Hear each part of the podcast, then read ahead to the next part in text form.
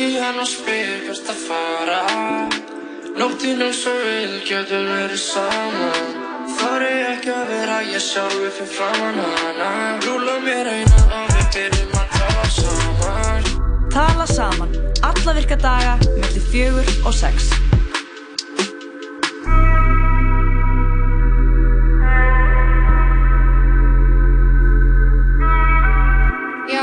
Saman með Jóhanna Kristoffer og Lóðbjörg sem hefst nú á uh, 101. heldur betur og það er uh, skemmtilegt þátt okkur, hjá okkur í dag við fáum til okkar uh, ekki einn, ekki tvo ekki þrjá, heldur fjóra gesti Já, kannski smá ofpeppi sem þætti. eða? smá ofpeppið sem þetta, það er einhver svona einhver höstmanni að fara hann að segja til sín og uh, hún hefur áhrif á okkur líkt og uh, ykkur kærlusindur Já, náttúrulega þessi helgi uh, svo mikið að gerast, við erum svona aðeins búin að vera að fara yfir það í vikunni, svona viðbyrði helgarinnar, mm. en svo náttúrulega líka fortíða 50 dagur og þá náttúrulega Jón, fastu gestur. Ó, vá, geðveikt, það er svo langt sem við fengum uh, Jón, já, hvernig kom Jón síðast? uh, fyrir nokkrum vikum, sko. Hann er búin að vera full í ykkur veiði og svona, Mm ég minnst alltaf gerast. Já, Ok, en við skulum bara byrja á byrjunni, bara fyrsti gestið þáttarins, það verður hún Ágústa. Hún er að sjá, eina af þeim sem er að sjá um bás, sem er svona loftslagsmarkaður, sem er búin að vera annarkvæmt lögða í sumar. já, Þetta er eitthvað svona samstarf með Reykjavíkuborg, heldur? jú, ég held það og þetta var á okkur svona ákveðinu hámerki núna um helgina á uh, menninganótt Og uh, þeir, það verður þessi samstöðu tónleikar sem heita loftslag. Já, Þeir verða þarna uppi í uh, bílstæðakjallarnum á já, og það verður eitthvað svona, eitthvað, 101 og, og bás saman. Og við Ágústa eitthvað- ætlar, að- segja okkur frá þessu já, eftir. hún veit allt um málið. Um, svo var náttúrulega Pride uh, um helgina. Já, síðustu helgi. Síðustu helgi. Og það var mikið um að vera í bænum. Mm þá komum mitt um upp mál, lauruglumál sem hún Eilibor Karpa var að ganga niður skóla því hún var tekið niður á lauruglunni -hmm. og þetta vakti talsverða aðtegli og svona uh, mikið verið tala um þetta á netinu. Mm -hmm. Þá komum að bjóða Eilinborgu til okkar og svona spyrja hana út í hvað gerist. Já, þetta var, var einhver skítalit að þessu. Já, það var undarlegt sko. Og, og hún ætlar að segja okkur uh, hvað uh, hva gerist. Já, Annars þá er það bara Jón sem kemur síðan klukkan 5 og hann er að fara að tala um uh, viðrist, hinn upprunalega viðrist. en upprunalega viðreist ég viss, vissi ekki að það væri, hefði verið einhver upprunalega viðreist Já, hann er að fara að tala um uh, viðristnar hugmyndir átjöndöld, hvernig áttu að rétta við hag landsmanna og færa Ísland aftur til fornar frægðar. Já, Þetta mun hann Jón tala um og svo kemur, svo fyrir við yfir í allt önnum mál. alltaf er sálum að fáum til okkar Bjarka Harðarsson, BMX kappa hann er okkar hann fremsti uh, BMX hjóla það er svona frístæl hjólari hann er að gera það bara rosalega gott og er að vera komin í samstarfi við eitthvað erlend hjólafyrirtæki og bara, hann er að vekja mikla aðtigli ég fylgist aðalega með honum á uh, Instagram og uh, hann er að gera rosalegt svo- mót þar. það er svo geggja sko því að BMX það var, var geggja mikið í tísku árið 2007 Já. þegar ég var rólingur, mannst eftir því? Já, og bróðum minn átti BMX hjól og við bara hjóluðum sko út um allt bara á hjólinu hans, ég Mhm. aftan á pinnunum. En nákvæmlega og bara haldið í axlinu hans og svo bara voru við að hjóla og mér er að fara oft upp á okkur svona hóla og taka okkur stökk Já. með mig á Já. sem kannski smá hættulegt og því datt alveg nokkur sinnum Já, það er bara, en það er bara partur af þessu sko já, fórnarkostnaður sem er sko mjög gaman Mhm. uh, að þetta lifi enn svona og sé, þú veist, fólk er ennþá bara í þessu fullu, þetta er ekkert búið að deyja sem eitthvað trend, sko. Þetta er fárlega nett Já, þetta er impressið að sjá fólk gera eitthvað svona flott og ef maður vil sjá Bjarka þá heitir hann Bjarki Hartarsson á Instagram og uh, hann er að gera rosalega trikk. Og mér langaði bara aðeins að fá að heyra hvernig þetta væri hjá hann hvernig þetta þróaðist, hvernig hann byrjaði að hjóla hvernig hann lærði að hjóla og, og hvernig, þetta komið, hvernig þetta komst á þann stað sem hann er á í dag. Talað um 2007, þá erum við að fara að spila tónlist frá árinu 2007 í þann, þann orðið er svona fastu liðri á okkur að renna í gegnum eitthvað svona eitthvað tónlist, vinsali tónlist frá uh, á eitthvað svona einu ári einu ári á, á hverjum 50 degi byrjum á árinu 2000 og erum, þetta er náttúrulega sjönda vikan sem við gerum í röð Já. það fennur bara um að styttast í að við þurfum að fara að bakka aftur Já, einmitt, hvað ég var haldið þessu áfram lengi? Ég var stopp árið 2016 eða ég var stopp árið Nei, 2010? 2010 held ég. Mér finnst einhvern veginn of mikið að vera eitthvað 40 að 50 aður, 2017. Já, já, já, ok. Þannig að kannski við hoppum til 1990 eða eitthvað næst. Já, algjörlega. Mér finnst það Eh, stemning. 2007 var virkilega gott ár í tónlist. Þetta Mhm. var um, upphaf úlingsáruna hjá mér, árið eftir ég fermdist. Já. Þú varst í nýjönda bekka eða eitthvað, eða ekki? Jú, þetta er náttúrulega árið sem uh, allt fór í, Árið áður en allt fór í vaskin. já, en þetta var svona pík, já, þetta var píkið þannig, 2007. Já. Þannig að gekk allt mjög vel. Það gekk allt mjög vel. Tónlistin uh, var í anda þess. Mm um, ég man ég hlustaði mikið á Sean Kingston á þessum tíma hann var með lagi Beautiful Girls ég hefði hugsa mér að byrja að spila það í dag Mér finnst það bara mjög veðandi. um, ógeðslega svona skemmtilegt lag Mhm. en líka ógeðslega skrítið Mhm. en aðalega bara svona veist smá svona, ég veit ekki, mér finnst eins og það hefði alltaf getað komið út í ár, skilur við Já, já, emitt. er það, er það smá skrítið að segja það? En, Nei, mér finnst það alveg vera svona veginn í njúsamt af því að það eru sumi lög sem eru bara algjörlega er svona og Beautiful Girl er alveg þar sko. En uh, Rihanna var alltaf að gera gott mótanna uh, Beyoncé að sjálfsögur líka. Við höldum áfram í Fergie og, og uh, Black Eyed Peas JT, það var náttúrulega bara hana, poppið var eiga mjög góða mjög góð áran alveg nokkur ári röð já, sko, Timbaland þetta var svolítið ári hans. Já, Timbaland. Apologize, The Way I Are og AO Technology. Mm Give It To Me. Þetta er allt Timbaland.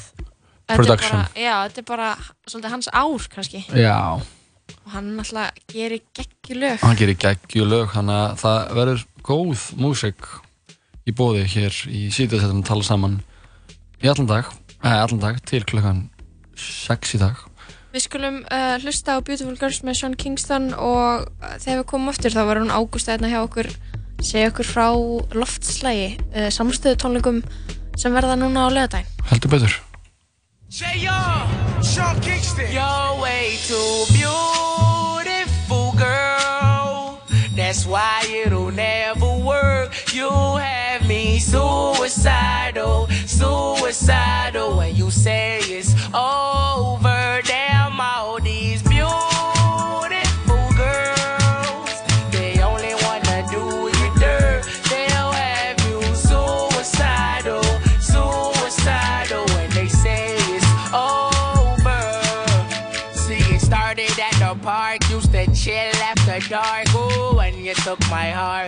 When we fell apart. Cause we both thought that love lasts forever. Lasts forever.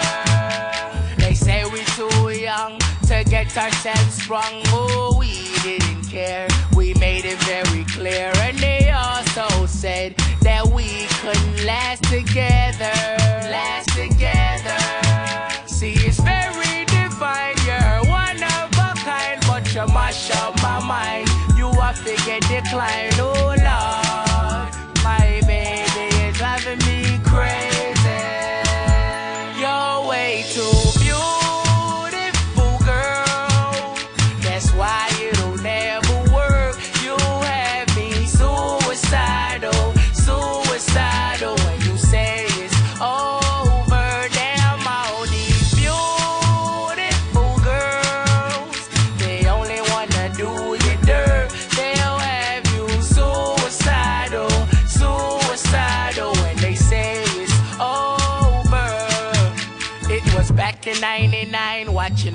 All the time. Oh, and I went away for doing my first crime.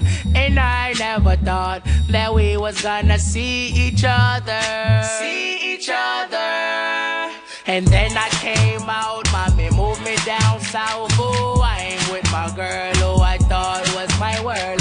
It came out to be that she wasn't the girl for me. Girl for me. See, it's very kind, but you mash up my mind. You have to get declined. Oh,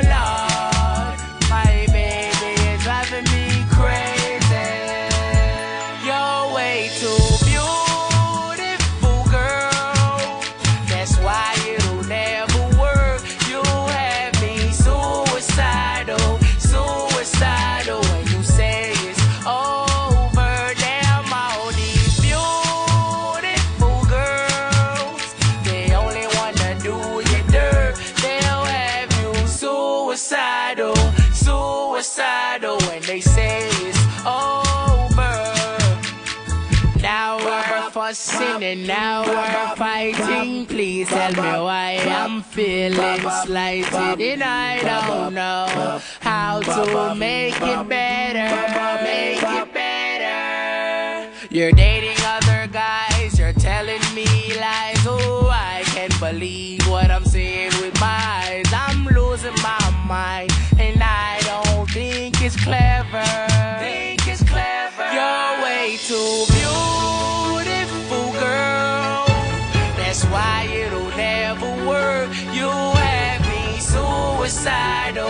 suicidal, suicidal. Mortna með Lóða Petró og Sýðubjarti í bóði Joe and the Juice Eins og boxbardagi tveggja stórleikara Yngvar E. og Hilmi Snær saminast loksins aftur á hvíta tjaldinu Hvítur hvítur dagur kemur í bíó 7. september Hamburgerabúla Tómasar Ísland, Ísland, áfram Ísland Hamburgerabúla Tómasar Bás og útvarp 101 halda samstöðu tónleika gegn loftslagsváni á menninganótt. Á efstu hæð bílastæðahúsins við hverfisgötu 20. Fram koma FM Belfast, Hermi Gervill og Ung Styrnið Gugusar. Komdu og kólefnisjafnaðu þig á menninganótt. Here I come. Níunda kvikmynd Quentin Tarantino Leonardo DiCaprio I'm Rick Dalton Brad Pitt Here comes trouble Charlie's gonna dig you. Once upon a time in Hollywood Komin í bíó Þú ert að hlusta á útvarp 101.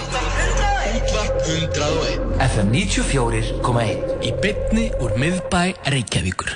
Við erum komið með þau Ólaf Daða Eggertsson og Ágústi Sveinsdóttur til okkar hérna í Tala Saman. Þeir eru að standa fyrir tónleikum núna á lögadaginn. Getið þið satt okkur aðeins frá þeim? Já, þetta eru svona, svona lofslagstónleikar sem að, hérna, við erum sagt búin að vera í sumar með svona markasvæði. Þannig að bílastæðahúsinu á Kærjuskoti 20 Mhm. og þetta er svona lofslagsmarkar hugmyndin með þessu var svona að hvetja borgarbúa til að endurvinna og kaupa svona, svona íslenska framleyslu og íslenska hönnun og svona veslagrassrútinni og svo langa okkur að enda þetta með pompa prakt á menninganótt og fengum styrk úr miðborgarsjóði og já, það verður alveg rosa flótti tónlistamenn, það verður FM Belfast, Hermi Gervill og Gugu Sar ungstyrni sem að tók þátt í músiktilunum Ok, geggjað. já, Þetta er búið að vera í allt sumar, ekki satt? Þeir Jú, að aðra hverja helgi. Helgi, er ekki búið að ganga vel eða? jú, rosa vel rosa vel tekið í þetta og, og fann alveg svona að maður sé líka bara að þetta er rosa mikið núna, fólk er mikið að pæla í þessu Mhm. Að þú veist að kaupa notað og maður sé náttúrulega þessar búðir sem er að spretta upp eins og barnaloppuna og ekstraloppuna og að þú veist, fólk vill þú veist, geta endurnýtt Mhm. fatnaðin sinn og dótið sitt Algjörlega. Og hvað, na, og hver er pælingin með tónleikunum, þú veist, á, á lögadaginn? Þetta er eitthvað samstöð tónleikar gegn lofslagsvanni. Já, ég, ég held að við könnumst kannski bara öll við það. Þetta er svolítið mjög mikið umræðinu núna. Þetta er rosalega skeri, svona hvað er framöndan og maður er bara svolítið hrættur. Og þessu fyrir mig, þú veist, ég egnaði spatt fyrir stuttu og þá allt í einu svona fór maður að hugsa sig þessar um, sko, hvað, væri, hvað, bara, hvað byði krakkan, sko, í framtíðinni. Einmitt. Og maður er svona með eitthvað sammiskupið líka og maður svona kannski að reyna bara eitthvað, já, fá einhvern innblástur, hvernig maður getur breytt bara sinni neyslu og sinni hegðun en svo líka bara þessi hræðsla og þetta er kannski bara svona, já, standa saman og svona að reyna að vinna saman gegn þessu og peppa hvort annað upp og, Algjörlega. og já, Já, algjörlega, það er líka bara einhvern veginn, finnst líka svolítið svona mikilvægt að reyna bara að samtvinna skemmtunina og skilabóðin og vitundavakninguna, þú veist, þetta geti Einmitt. þú veist, verið saman, þú veist, þetta verður oft sko, mann náttúrulega er bara þetta, þetta er náttúrulega svo ótrúlega, ótrúlega alvarlegt mál, að ég held að það sé svona mikilvægt að reyna líka að finna, að því ég mitt fór á ótrúlega áhugaverðan fyrirlestur um þetta til dæmis bara á lunga, það sem að kona sem hefur verið að rannsaka þetta í 30 ár og er bara prófessor basically í þessum málum tala um, svolítið um það sko, það verður mikilvægt líka að finna skemmtilega leiðir til þess að vinna gegn þessum málum til þess að það hefur bara þú veist, úthald og, Svo maður brenni ekki og, út. og já, til þess Já, að maður bara lamist líka finna- bara. lamist ekki af ótta og finnur þú veist, þá, þá finnur þá hugsaður bara meira í, í lausnum og það eru alls konar hlutir sem að hægt er að gera, þú veist, auðvitað er þetta risavaksið en það eru, það, eins og bara í þessum fyrirlestri þá þá heyrði maður af alls konar hlutum sem maður geti svona lagt sitt á mörgum til að, að hérna, reyna að sportna við þessu. Mhm. maður finnur það svona oft hjá að, að þú veist, einstaklingur er svona smá svona varn, eða svona, veit ekki alveg hvað hann á að gera skilur og hvað maður á að byrja þú veist með eitthvað svona risastórt kerfislegt vandamál sem er bara veist, uh, þetta sem við eitthvað svona stöndum fram fyrir þannig að hvað á maður að byrja skilur og er, þarna, er þessi markaður er það að reyna bara hvetja fólk til þess að hugsa um neysluna sína og, og pæla svona í eitthvað svona litlu hlutunum sem þú getur gert. Já, og þeir séu kannski ekki eins flóknir maður heldur fyrst, veist, það er ekkert langt síðan að bara, eins og pappi minn hann er fættið 47, hann, veist, þau stoppu í sokka og þú veist, það voru bara, öll sískinni mín, það voru bara tauplegur Mhm. en núna við erum, svona, erum svo mikla luxusrækjur okkar kynnslóð, eins og bara það að nota tauplegur, mann finnst það alveg bara svona wow, bara gett svona mikið vesen. mikið vesen út af maður, hef, þú veist, ég meina fólk var ekki með uppþóttavélar fyrir 30 árum. Einmitt. fólk bara vaskaði upp, það var ekkert mál um leið maður venst hinu. En það er svona, já, kannski svona þess að líta tilbaka og þú veist, bara svona ég veit ekki, ég, veist, ég var alveg spáði á ég bara bara að stoppa í sokka, mann finnst það hvernig gera maður það, þú veist en svona, já, að þessi, þessi þekking er nefnilega ennþá til eða og hjá er- ömmum hans og öfum og mömmum skilur Já, þetta er ekki það langt síðan fóreldra mínir fengu upp þetta vel veist, bara 90 eða eitthvað. Og það var bara svona, wow, bara geggjað og þú veist, þau svona voru náttúrulega að spara hana þú veist. Mhm. og, og það er ennþá fólk, er ekki ennþá fólk á lífi sem bara bjó í, í sko torfbæjum á Íslandi? Jú, algjörlega, að algjörlega. maður er svona maður miklar þetta alltaf fyrir sér mér finnst líka mjög flott að staðsetja uh, annar marka og tónleikana sem leiðis á þessum stað að það með stað einhvern veginn vera smá líka svona Já, svolítið kaltanislegt Já, sko það er svolítið skemmtileg, svolítið ironi Við vorum svona að ímynda okkur að við værum svona, svona að reyna að leggja okkur mörku með kólusefna bílum fyrir Einmitt.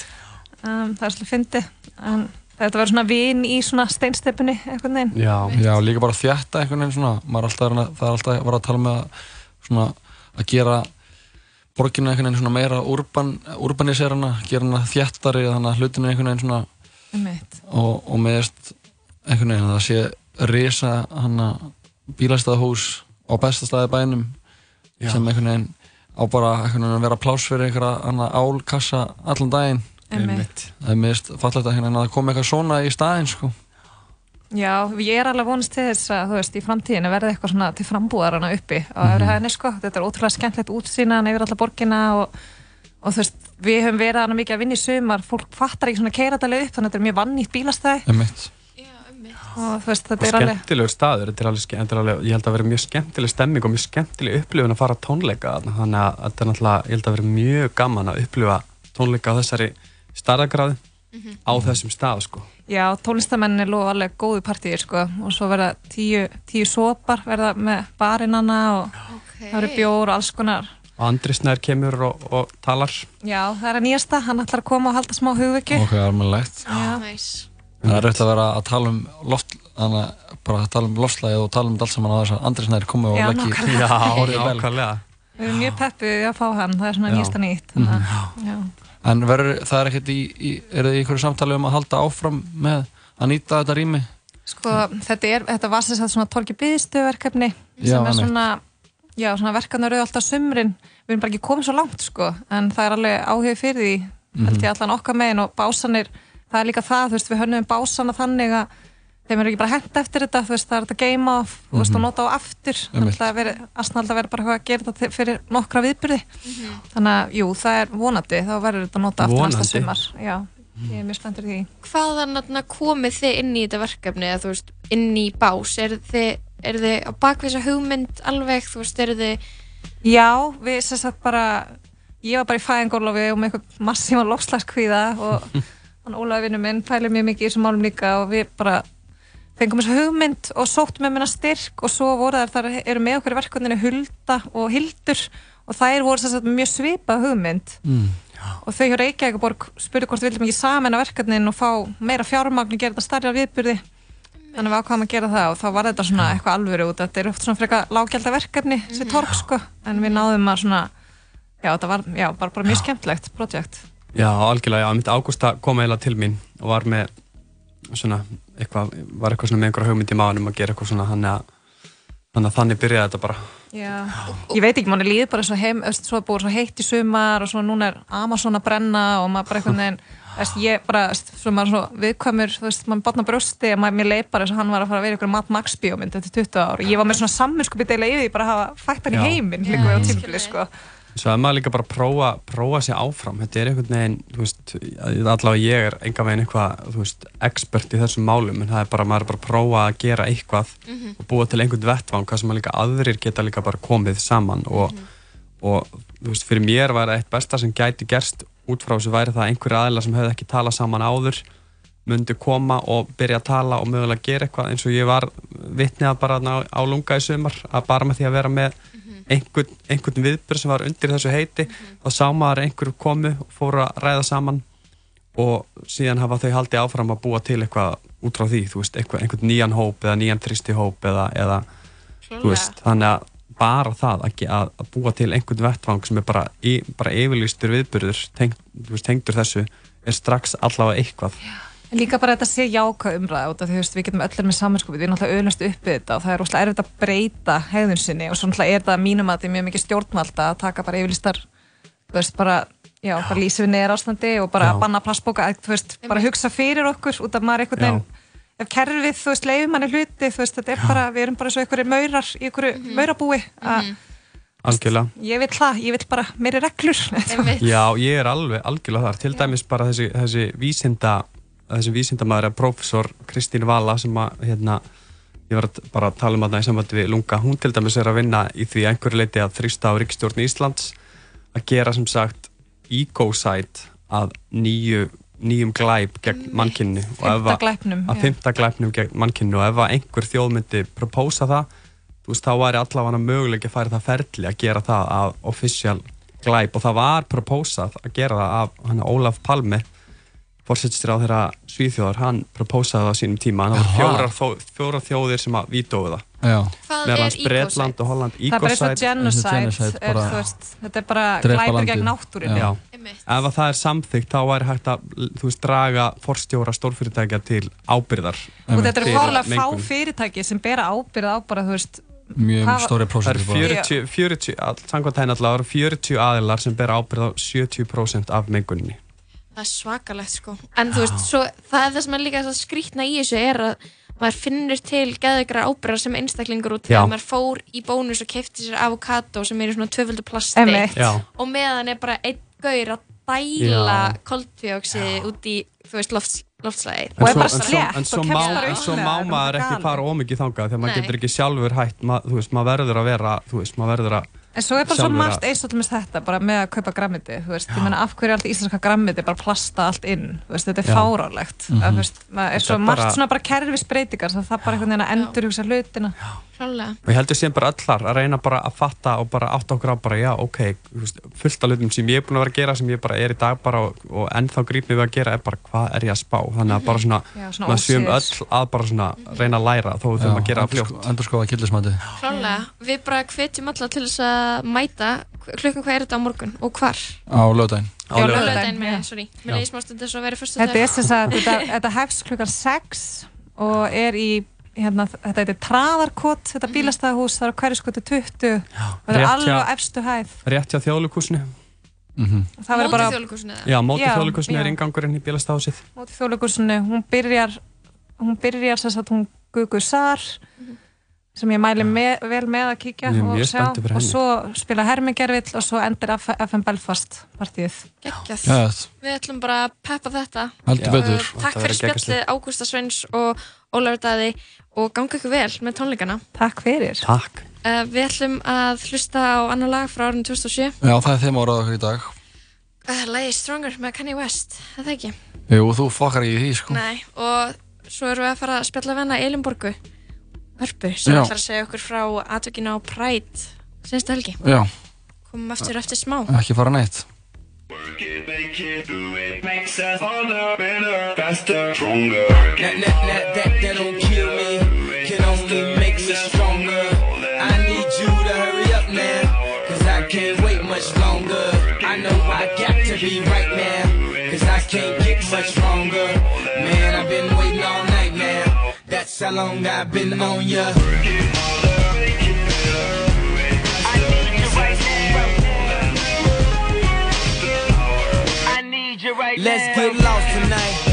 Be my black Kate Moss tonight. Play secretary, I'm the boss tonight. And you don't give a fuck what they all say, right? Awesome, the Christian and Christian Dior. Damn, they don't make them like this anymore. I ask, cause I'm not sure. Do anybody make real shit anymore? Bow in the presence of greatness. Cause right now, that has forsaken us. You should be honored by my lateness That I would even show up to this fake shit. So go ahead, go nuts, go ape shit. Especially in my pastel on my babe shit. Act like you can't tell who made this new gospel Homie, take six. And take this Haters. That, that, that, that, that don't kill me. Can only make me stronger. I need you to hurry up now Cause I can't wait much longer. I know I got to be right now Cause I can't get much stronger That's how long I've been on ya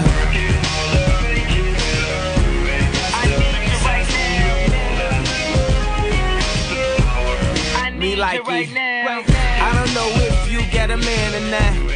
If you made plans or not.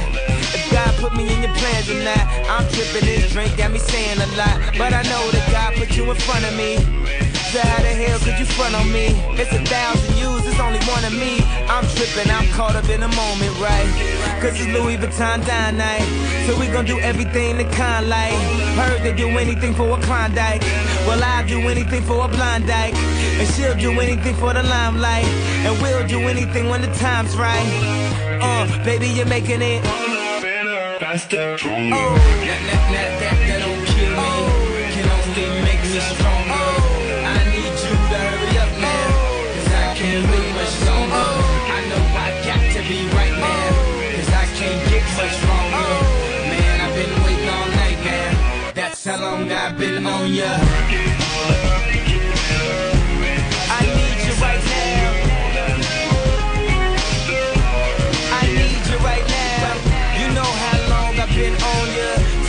Was on Apollonia. Since OJ had isotoners. Don't act like I never told ya. Don't act like I told ya. Uh. Don't act like I told ya. Don't act like I told ya. Don't act like I told ya. Uh, baby, you're making it faster, stronger. That, that, that, that, that don't kill me. Can only make me stronger. I much longer. I know I got to be right now. Cause I can't get much stronger. Man, I've been waiting all night now. That's how long I've been on ya.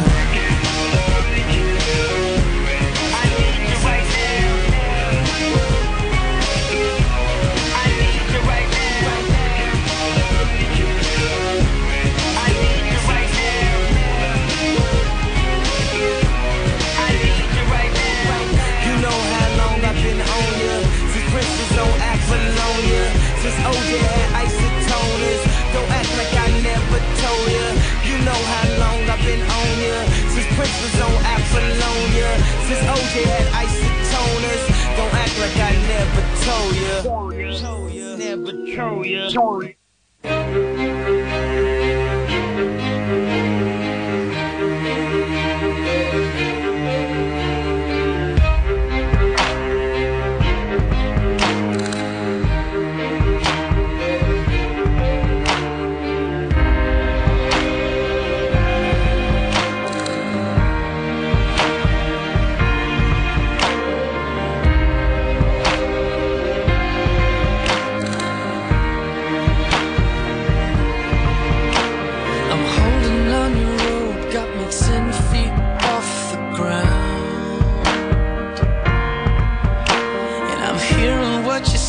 but I just can't make you sense.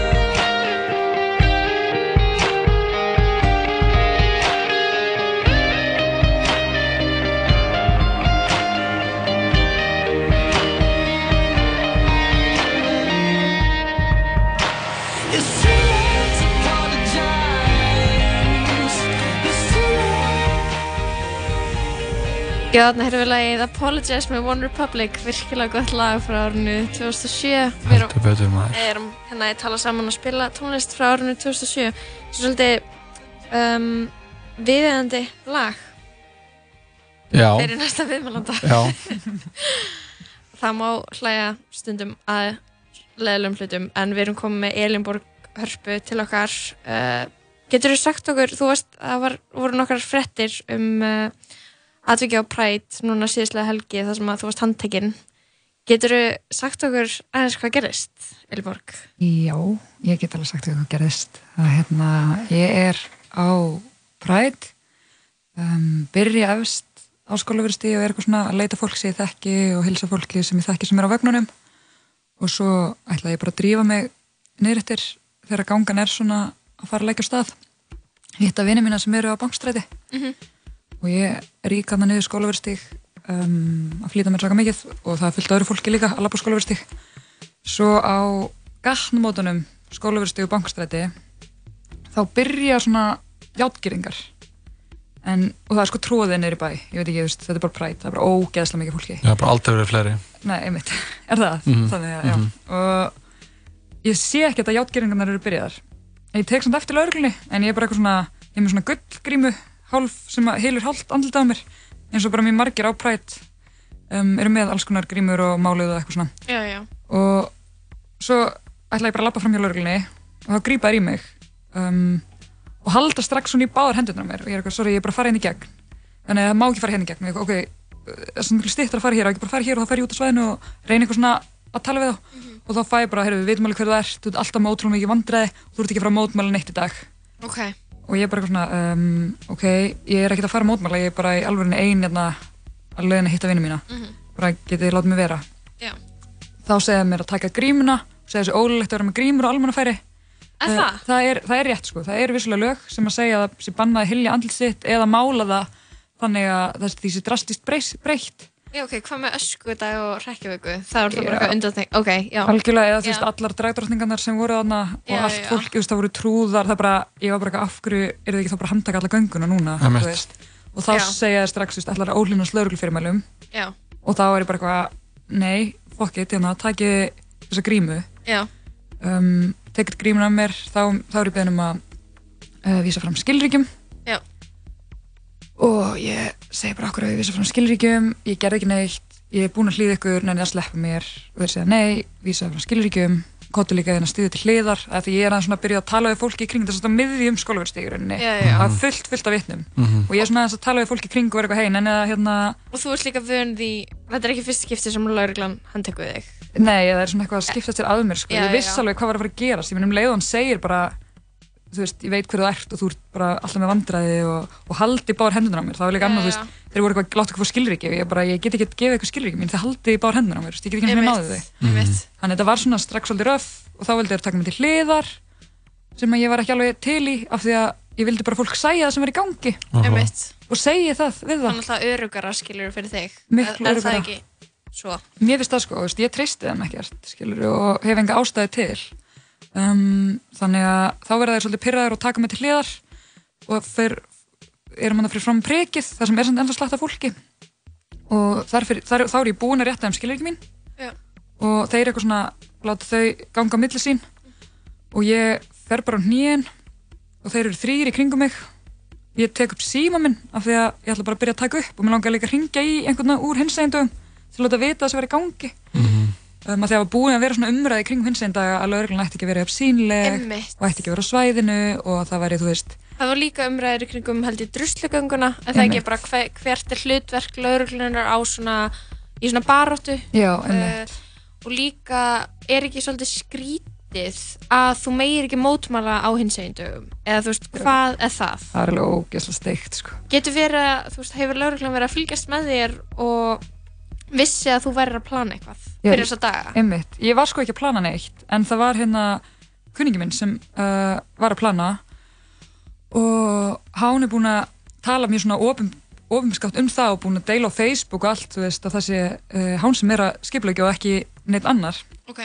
um, Og tengdist þá bandaríska sendiráðinu? eða Nei, það eitthvað tengist svona? aðalega lauruglunni Ok. á prætt. Þetta var Ok. sérst hins einn einstaklingur sem vildi ekki lauruglan væri á prætt enda ofbildistofnun og Já. hefur beitt hins eginn fólk miklu ofbeldi gegnum uh, söguna og ennþá í dag og er ofta ekki til staðar líka fyrir hins eginn fólk þegar þau þurfa á því að halda. Vist, hina 364 daga ásins um, þannig að svona fólki fannst svolítið súrt að, að lauruglan fengi eitthvað svona að bleikþú sig með því að vera eitthvað voru mikið til staðar í göngunni. Ok, einmitt. um, þannig þetta var svona pælingin á bakvið uh, hjá þeim hinsegin aktivistum sem voru eitthvað búin að vera í samtali við hinsegin daga sem voru í samtali við laurugluna um hugsanlega mótmæli en það var líka búið að vera sko á hreinu að þessi mótmæli yrði ekki gerð af því að laurugluna ætlaði eitthvað svona að vera minna sínileg Ok, en það var búið að segja skilur að verði ekki mótmæli. Já.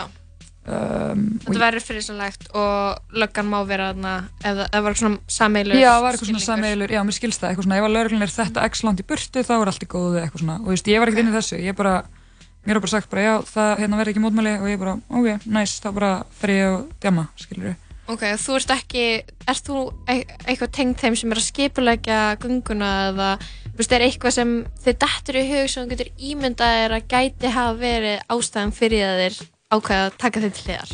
Já, þeir náttúrulega þekkja mig frá No Borders og mótmælum með flóttu fólki Já. og líka bara held ég innilega illa við mig og þetta er ekki því fyrsta sinn í svona sögu aktivism í Íslandi þar sem að einstaklingar eru targetaðir af lauruglunni um, og bara svona smá ofsóttir sko Ok. Þú veist, þetta er svona, sérstaklega þetta fannst mér bara svona jæðra við ofsóknum því ég var ekki að gera neitt, ég var bara um, algjörlega Hvað gerist síðan, þú veist, okkur þeir þannig að taka þig til niður, Já, það ekki? Og já. hvað gerist, þú veist, veltið fyrir mér, þú veist, fórstu í fangaklefa, þú veist, taka þig skýrsla þér, yfirheyraði þig, eða þú veist, hvað hva Já. gerðu þeir? Nei, þau eru hérna uh, reyna sérst að taka mig síman þess vegna verða þessu pyrrar, þeir vilja ekki gefa það síman en þeir Já. hafi ekki heimild að taka mig síman svo þá sérst er ég sett í jörðina og snúi upp á mig og síminn tekinn kalla á bíl ég er sett inn í bíl um, og svo inn í bílnum uh, þá er hérna þá er ég bara í mjög miklu uppnámi og mjög pyrruð og sár og er bara grátandi líka. Þetta er bara ótrúlega, veist. Er þetta, er, já, þetta var eða bara ömulegt að vera tekin og settur í jörðina og veist þetta ég veit ekki, þetta tryggra mig ógislega mikið svona valbending sko, og þetta er líka bara þrýr ókunnið kallmenn að ráðast á mig. Basically er það það sem gerðist. Mhm. og ég er eitthvað grátundin í bíl og sit við hurðina og bílinn stoppar og ég opna hurðina og ég ætla ekki út eða neitt, ég bara opna hurðina og kalla því ég náði ekki hringin eitt og kalla bara nennir einhver að ringja í hins einn dag og láta vita. Og þá styrlast þeir sko löggan.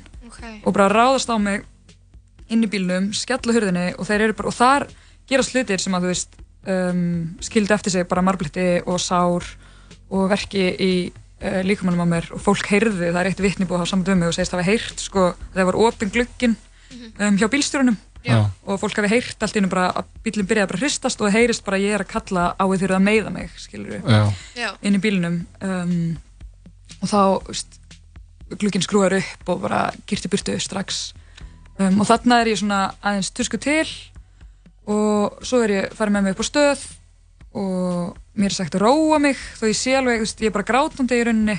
Og er að spyrja af hverju ég er gerði þetta og þetta er ekki sangjant og ég var ekki að gera neitt og bara hvað er að ykkur. Og mér er sagt að róa mig, róa mig, róa mig og svo hérna, ég veit ekki þegar ég er hægt að gráta eitthvað, ég veit ekki alveg hvað hérna, var skilgringin þeirra að ró, róa mig þá taka þér af mér handjónin og segja mér svo að þeir ætla að leifa mér að fara. En að ef að ég ólínist fyrirmælum aftur þá hérna, fá ég ekki að njóta restinar af deginum eða neittna skemmtana um kvöldið Hvað minn góður? Það er bara að hóta þér. Já, Já. þetta var bara svona mjög bara straight up hótun Sko, með, þetta er ótrúlega leðilt að heyrða mér, veist, svo áhugavert hvað er búið að gerast í kjölfari af þessu. Uh, þannig að fóru á staði marga fréttir og þú veist, lauruglan einhvern veginn tjáði sína hlið og svona. Og þá hefur við vist verið að leita eftir hvað, fleiri heimildum um atbörðin. Það ekki? Til þess að rannsaka þetta innan gæslappa. Já. En ég tók líka eftir, ég fór að skoða en að loka hann hóp sem heitir hinsegin spjallið þar sem er eitthvað svona vettfangur til umræðu um hinsegin málefni Mhm. og eitthvað svona, svona kemur auga á okkur svona orðræði sem er eitthvað svona uh, hver var þín ábyrð í málinu og ég velti því fyrir mér svona, la, lastu eitthvað af þessum aðtöðasendum Já, já, og því ég velti því fyrir mér sko út af því að nú ertu tekin á mjög ósangarnan hátt þú veist, af lauruglunni, tekin til hliðar og í jörðina og færð í burstu eitthvað svona og dagurinn þinn algjörlega svona uh, brotinu upp Mhm. og þú beitt eitthvað ofbeldi. Svona heldur fólk einhvern veginn að löggan megi bara gera svona hluti. Þú veist að það sé eitthvað svona að, að, að eitthvað svona réttur löggunar til þess að targeta fólk og eitthvað svona þú veist, beita ofbeldi sé einhvern veginn meiri heldur en þinn réttur til þess að bara fyrsta lagi fara þína leið í deginum og svo öðru lagi neita að gefa um það sem við byggjum það þarf náttúrulega, þarf ekki úrskur frá dómara til þess að þú veist með að taka síma að taka síma og alls konar svona hluti þú veist, sem eru svona þínir hlutir Mm. og með veist kannski að, veist, hvað heldur þú? Hver er þín tilfinning fyrir því? Ég bara átta mikið á því, ég, meina, ég held náttúrulega að lauruglan sem stopnun byggir á því að samfélagi leifi þeim að beita því ofbeldi sem að þeir telja nöðsynlegt hverju sinni. Já, og Um, þeir geta lagt mat á það í öllum aðstæðum hvað er rétt magna ofbeldi Já, að- já, og það er alltaf bara eftir á sem að það er kannski endur skoðað. Einmitt. En þá er þú veist skaðin skeður og það sem ég vil svolítið, þú veist, er að vonast til að sér kannski ekkert að kveikja þans í okkar samfélagi er, þú veist, að setja spurningamerki við þetta og ég var ógustlega sár þegar ég var á Pride og var eitthvað fullt af fólki í kringum mig Já. fullt af, þú veist, einstaklingar sem hefði alveg getað sínt með samstöð, þú veist, það sá, sá allir ég var ekki að gera neitt hættulegt, ég var ekki ógnandi ég var bara grátandi og var að byggja fólk um að koma bara, hei, ef það eru fimm einstaklingar hérna sem hafa komið og tali við þá og segja bara hvað Já. er það að gera þá er alveg líkur á að þeir bara bakki. Mhm. Já. ef að tíu einstaklingar koma og eru bara, hei, ekkert ógnandi en eitt, bara, bara segja bara, við sáum að hún er ekki að gera neitt, okkur eru að þessu allt svoleiðis, þú veist, þá er náttúrulega miklu meiri líkur á að þeir bakki niður þannig ég vil svona, kannski hvetja fólk til þess að aðtuga, að minnstakosti fara strax að taka upp þegar lögreglun er að- með aðskipti af fólki sem að geta, litið undarlega út eða eitthvað svoleiðis, Mhm. veit ekki. Má setja líka bara spurningamarki við það eða að því að einhvern veginn það, að það skortir innra eftirlit til lögreglunni og, og þannig að einhvern veginn manni finnst eins og þegar komið svona mála það séu svo litlir eftirmálar og maður er heitt um bara um, um einhver lögreglu þjónu sem bara að það er bara verið í fréttunum að menn hafa bara verið að brjóta sér innan lögreglunar og það er, verðist ekki vera enn viðlög þú veist, það verðist ekki vera að tekja hann hart á því ef, ef ekki, eins og það væri ekki lögreglumæður þannig að svona, eins og bara maður sér í, í bandaríkjunum og sérstaklega náttúrulega bara í málum uh, svartra þá er, þá er all, alltaf tekin upp sími strax Já. af því að það er bara einhvern veginn anna, af því að narratífan er alltaf lögregluna megin, það er alltaf það, að það er yfirvaldi, það er þeir sem hafa rétt fyrir sig, það er þeir sem anna, stjórna frásögninni, þannig að Já, það er mikilvægt að setja spurningamarki við það sko. Já, og líka bara, þú veist, uh, vita, að þú veist, já, mitt, veita um aðhald Mhm. og vera ekki bara eitthvað svona búast við því að þeir vita alltaf hvað þeir eru að gera út af því að það verður alveg sínt sig að þeir gera það ekki. Já, þetta er líka erfitt starfi, þetta er erfitt fyrir alla að sinna þessu starfi og ég, myndi, ég get ekki ímyndum mér að vera lögreglumæður því að maður er, einhvern veginn, maður er komin í eitthvað mengi þar sem maður er einhvern veginn þarf að ákveða hvað er rætt og rétt í einhvern svona að vera með rosalega góða hlustun og, og, og sína ábygglega bara mjög mikið svona hófrýstingur og, og einhvern veginn þú veist, þetta er Skadaleg karlmennska. Já, skadaleg- Stemmari, alveg. stemmari, eitt tekur upp kilvuna þá er komið partí sko Já, veist, það það- tekur upp kilvuna, ég veit ekki ég hef ekki upplegað sko virka hlustun ég veit samt alveg að stundum eru einstaklingar sem að standa sér vel. Og ég hef svolítið viljað að reyna að snúa sér orraði við þú veist um hérna rótnu eplin sem fólk er alltaf að tala um alltaf svona já það er nú örfa og rótin epli ég er bara að segja uh, það er ekki þessi rótnu epli sem ég er að tala um. Ég er að tala um stopnunum sem heild og svo svona inn á milli, þú veist, stopnun er bara rótin þetta er ofbeldistofnun og hún byggir bara á hótunum líkamlegt ofbeldi. Þar hvílir allt valdið þeirra. Mhm. þá gerir ekki að ég segi þá beiti ég líkamlega ofbeldi og gera það fullkomlega löglega. Um, þannig að en svo inn á milli er einhverju svona ágættir einstaklingar um, sem að þá kannski taka sér stundum bessaleifi að hlýða ekki alltaf alveg skipunum og svo leiðis um, en ég mitt held að í starfinu sem lögreglumar þá ert ekki að dæma hvað er rétt og hvað er ránt að þú ert alltaf bara að hlýða Mhm.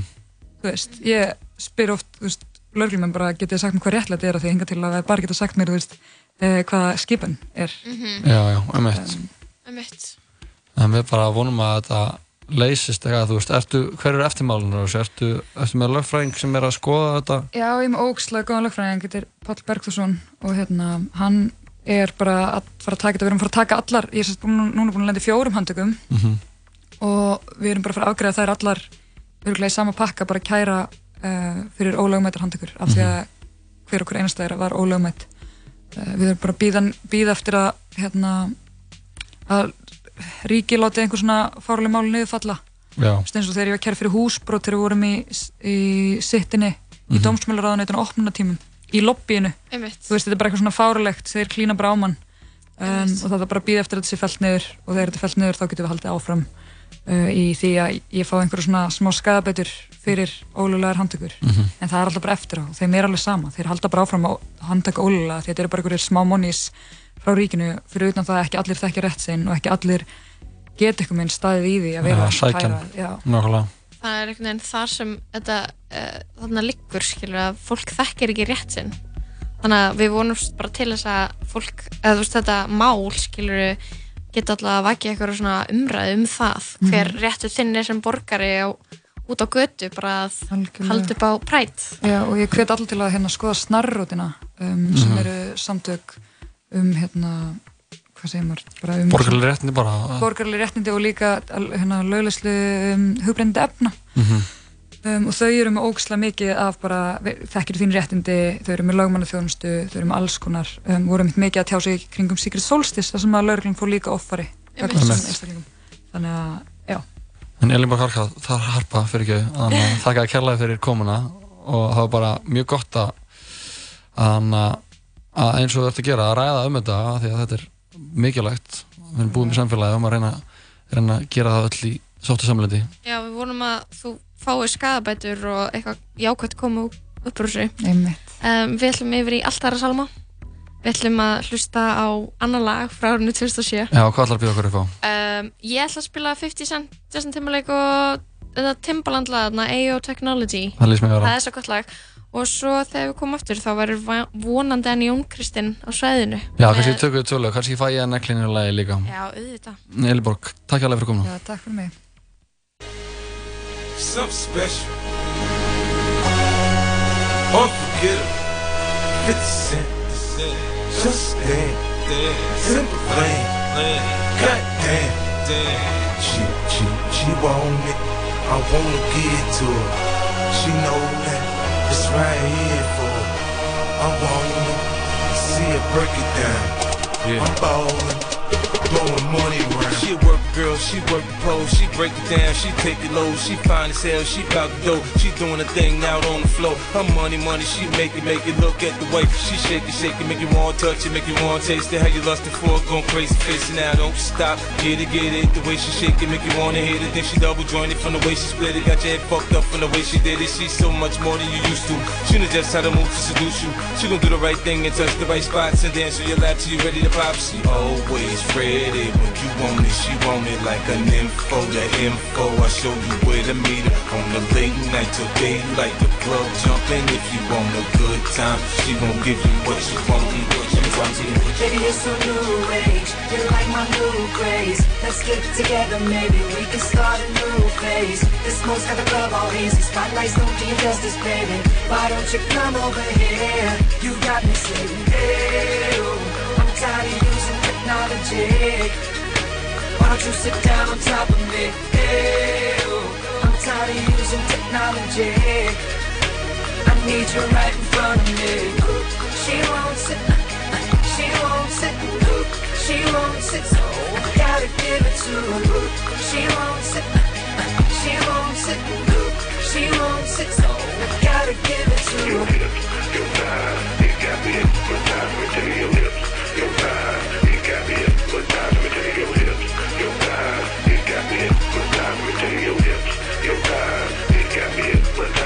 Got a thing for that thing she got, the wish make it tick, the wish make it pop and make it rain for so she don't stop. I ain't got the move, I can sit, watch, in the fantasy, it's plain to see just how it be, her and me. Backstroking, sweat soaking, all into my set sheet. She ready to ride, I'm ready to roll. I'll be in this bitch till the club close, watching her do what thing on all foes. Now that that this shit against the law, from side to side, left to right, break it down, down, down. You know I like when you hype and you throw it all around. Different style, different move. Damn, I like the way you move. Girl, you got me thinking about all the things I do to you.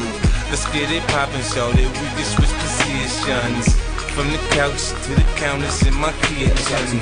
Baby, you're so new age, you're like my new craze. Let's get together, maybe we can start a new phase. This smoke's got the club all hazy, spotlights don't do you justice, baby. Why don't you come over here? You got me saying, hey, oh, I'm tired of using technology.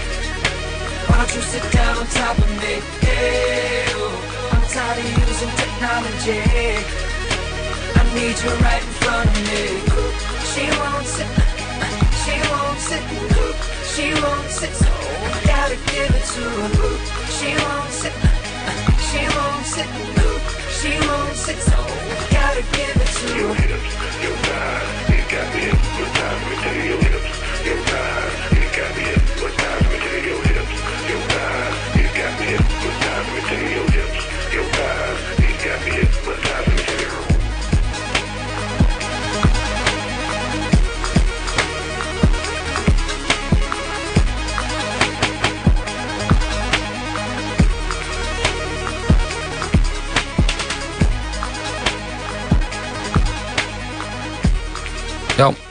50 Cent, Justin Timberlake og Timberland lagið Ayo Technology næst fáum við Snoop Dogg Akon lagið heitir I Wanna Love You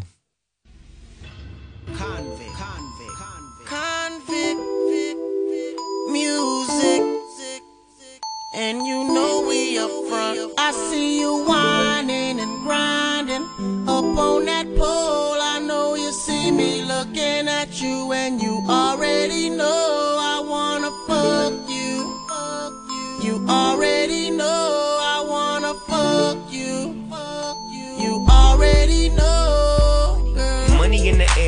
as Grab you by your coattail, take it to the motel, wholesale. Don't tell, won't tell. Baby say I don't talk, dog, but she told on me. Oh well, take a picture with me. What the flick gon' do? Baby, stick to me, and I'ma stick on you. If you pick me, then I'ma pick on you. D-O double G, and I'm here to put this dick on you. I'm stuck on pussy, and yours is right. Rip riding the pose, and them doors is tight. And I'ma get me a shot for the end of the night. Cause pussy is pussy, and baby, I'm pussy for life.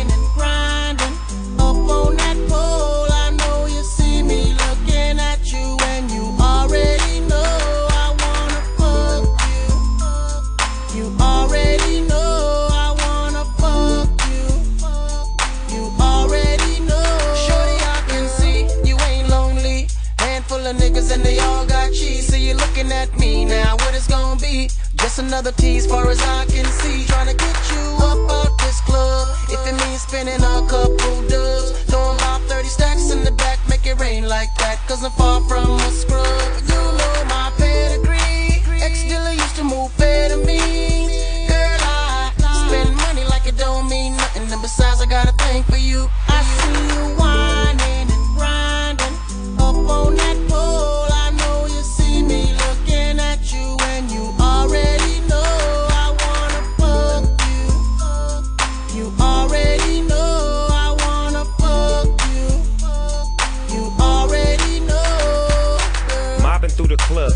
Pressing. I'm sitting in the back in the smoker section. Bird's eye, I got a clear view.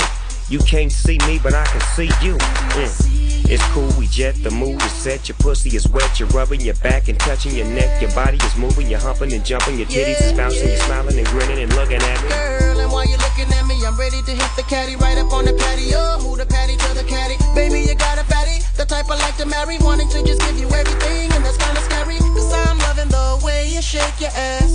Bouncing got me tipping my glass. Normally don't get caught up too fast, but I got a thing for you.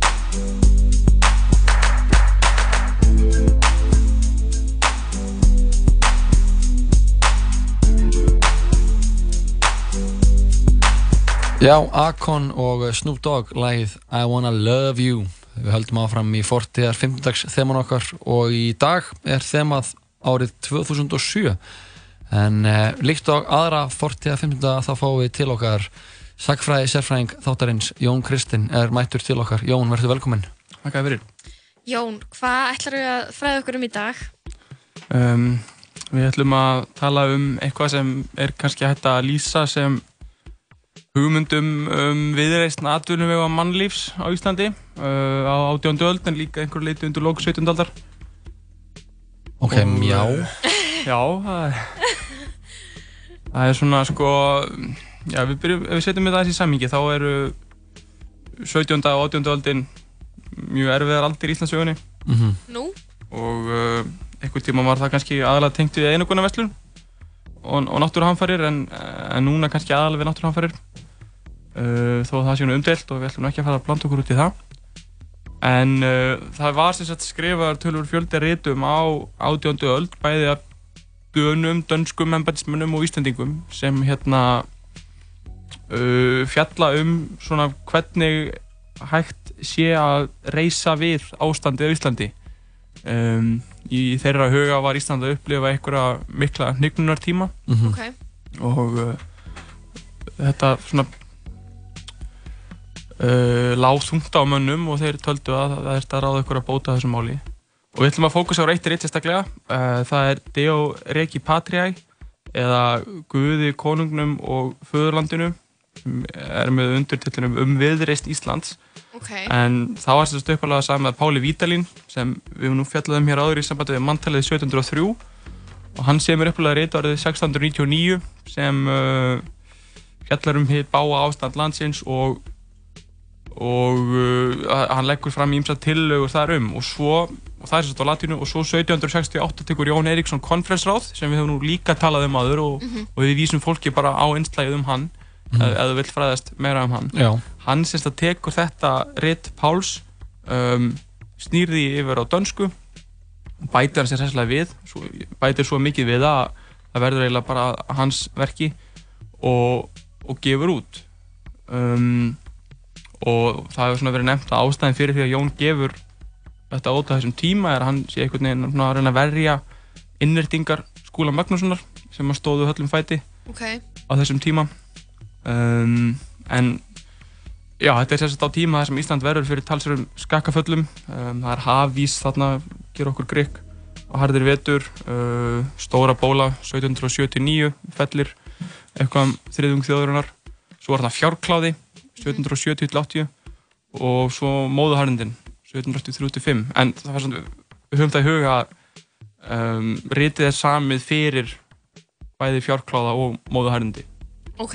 Akkur er mikilvægt að hafa það í huga? bara, bara vegna þess að það, það var versta átti enn eftir að Já, dynja á the okkur, worst is yet to come. Ok, og hvað er það versta? Móðuharðindin Svona móðuharðindin, allavega svona í sögulegu minni Já, En þó að sé náttúrulega þetta svona Við höfum einhverju lí- mælikvarðar Þú hefur líka fjallað um móðuharðindin, þannig að við vísum Já, er hérna einni á er- já, innslagið um við það. gerum það, það verður bara heimild að skrá Já, já, um að gera. hana. Mhm. um, Já, en og með við þetta er kannski ekki skrítið að embætismenn hafi haft áhyggjur af stöðu mála sko. Nei, allt í hakki, E EHF. Já, þetta er náttúrulega tími þar sem upplýsingin, upplýsingastefnan er í algleimingi í Európu Já. og uh, það er náttúrulega ákveðum vandkvæðum bundið að heimfara svona hugmyndastefnur upp á uh, Ísland og Danmörku en uh, sko, í, í hugum margar er upplýsingin, fólk tengir hann við frönsku byltingun og það eru hugmyndir sem eru uh, ráðandi meðal byltingamanna þar Mhm. jafnrétti og, og borgararéttindi en svona norðar í álfunni uh, Þýskalandi, Danmörku, Íslandi þá eru þetta ekki jafn rótækt uh, byrtist okkur aðalega í svona fræðsluverkefnum og, og umbótum í atvinnulífi uh, við sjáum til dæmis að ritið er til einhvað konungnum Mhm.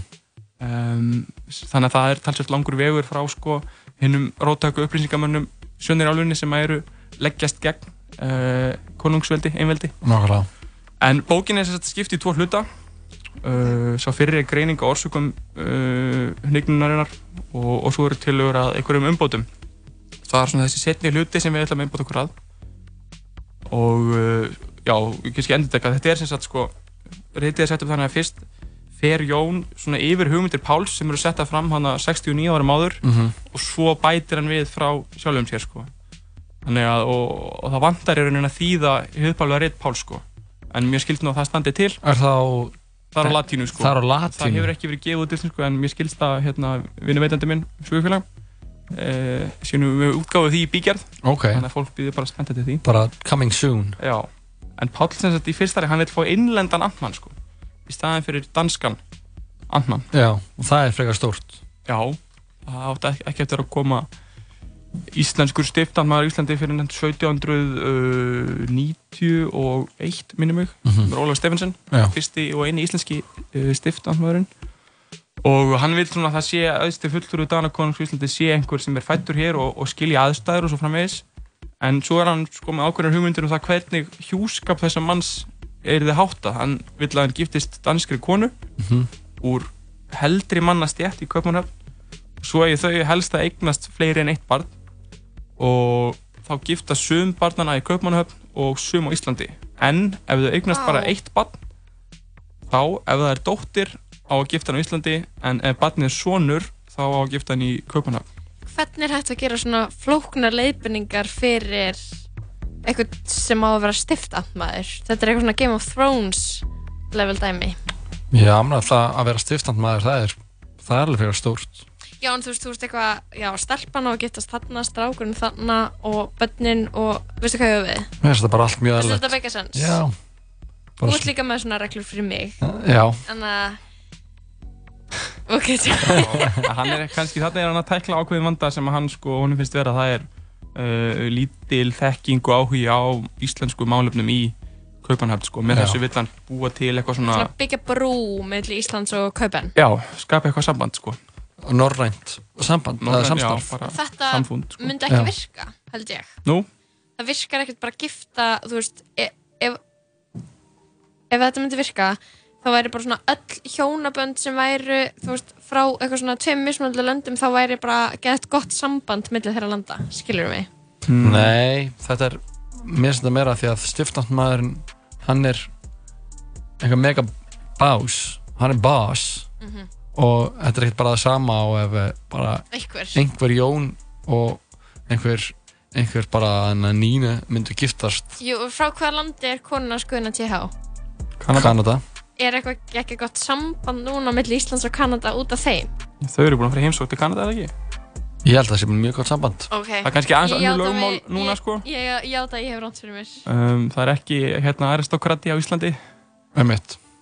Hvorki hérna í Kanada. Þannig að það er kannski En hann sem sagt vill búa til sko, þá er, eh, með þessu þá eru þeir með uh, fólk innan uh, efri stjættar í Kaupanhöfn sem er hálf íslenskt eða íslenskt og, og þar á leiðandi skapast eitthvað svona tengsl og áhugi á íslensku málefnum. Mhm. sem ég held að sé svona ekkert galið en uh, þetta gerðist nú ekki að miklu leiti allavega.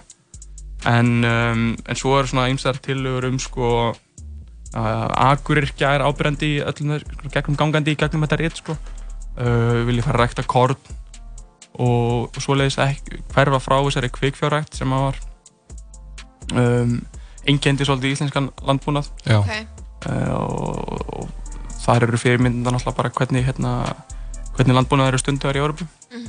en raunin er kannski svo að þetta var var erfitt í framkvæmd á Íslandi og uh, en það voru gerða tilhörnir en það er þeim blauka bara með móðuhárundunum um, hann vil efla yðnmentun sem er að mjög lágu stíga á þessum tíma sko, sem Mhm. er einhverju liti bara afleðinga því að það eru uh, engar borgir í Íslandi það, það er ekki, og, og mannfjöldin það eru það fáir sem búa hérna að það þarf að vera ákveðin, ákveðið hár íbúðafjöldi til þess að skapa markað fyrir sérhæfingu, mm -hmm. eða skiljið hvað við Mhm. Já. ef þú ætlar að fara að gerast uh, uh, játspýður þá þarf að vera ákveðin fastur kúnahópur til þess að það borgi sig. Nákvæmlega. Einmitt. Kaupa skífur eða. Kaupa bling. Og hann sem sagt vill Á hesta. Stopna þarna kauptún eða þorp. Þar sem ungir menn. Skeifur. Geta fengið þjálfun í, í ymsum miðgreinum meðan hann hans bútið skeifur og þar myndu, eins og hann segir sko, margir vandraðagripir og lítils nýtir menn breytast í dugandi borgara og raunverulega fjölga þjóðinni. og Með hverju með þess, að, með þess að það sé eitthvað eitthvað bær, kauptún eins og hann kallar það þar sem að það er verið að koma með uh, vandraðagripi og svona þeir hljóti eitthvað þjálfun og hérna séu Þetta er svona áður en eldir er Reykjavík ekki til á þessum tíma? Mm, sko, uh, við höfum náttúrulega rætt það líka hérna, mm Mhm. uh, hérna innréttingarnar og svona upphaf Reykjavíkur sem einhvers konar höfðustafs en ekki sem eitthvað svona uh, miðstöð það er að hefjast á þessum tíma sko. Ok. þetta er náttúrulega Páll sem er með þetta 1699 uh, en þegar Jón gefur þetta út þá er kannski Reykjavík aðeins komin að skrifa en ekki að orðið að uh, Svo tengi sem hún er í dag Nei, Nei. Hann vill basically að eitthvað staður eins og Reykjavík sé til. Já, hann allir nefnir- flyttir á eitt stað. hann nefnir mýrarnar Hvað eru mýrarnar? mýrar í borgarferði mýrarsýsla, það er náttúrulega milli Hnappatarsýslu og, Já. og rætist það ekki eitthvað leitið eða? Verða mýrarnar ekki svolítið svona stórar? Það voru vist eitthvað alltaf hittar hana í kringum eh, Var það? Nei, ég spyr Þetta ekki sko Nei Ekki sérstaklega Mýrarnar? Mýranar, það var kannski hittar á næsta ári Já. En uh, þetta er svolítið ábyrgandi sko það er þarna, hann er að tala um þetta andlega hreisti og Já. því sé verulega ábútavant sko það er við að tala um agaleysi Því er ábútavant enn í dag. Sko. Þetta hefur við ekki náðu að lækna íslensku þjóðuna af.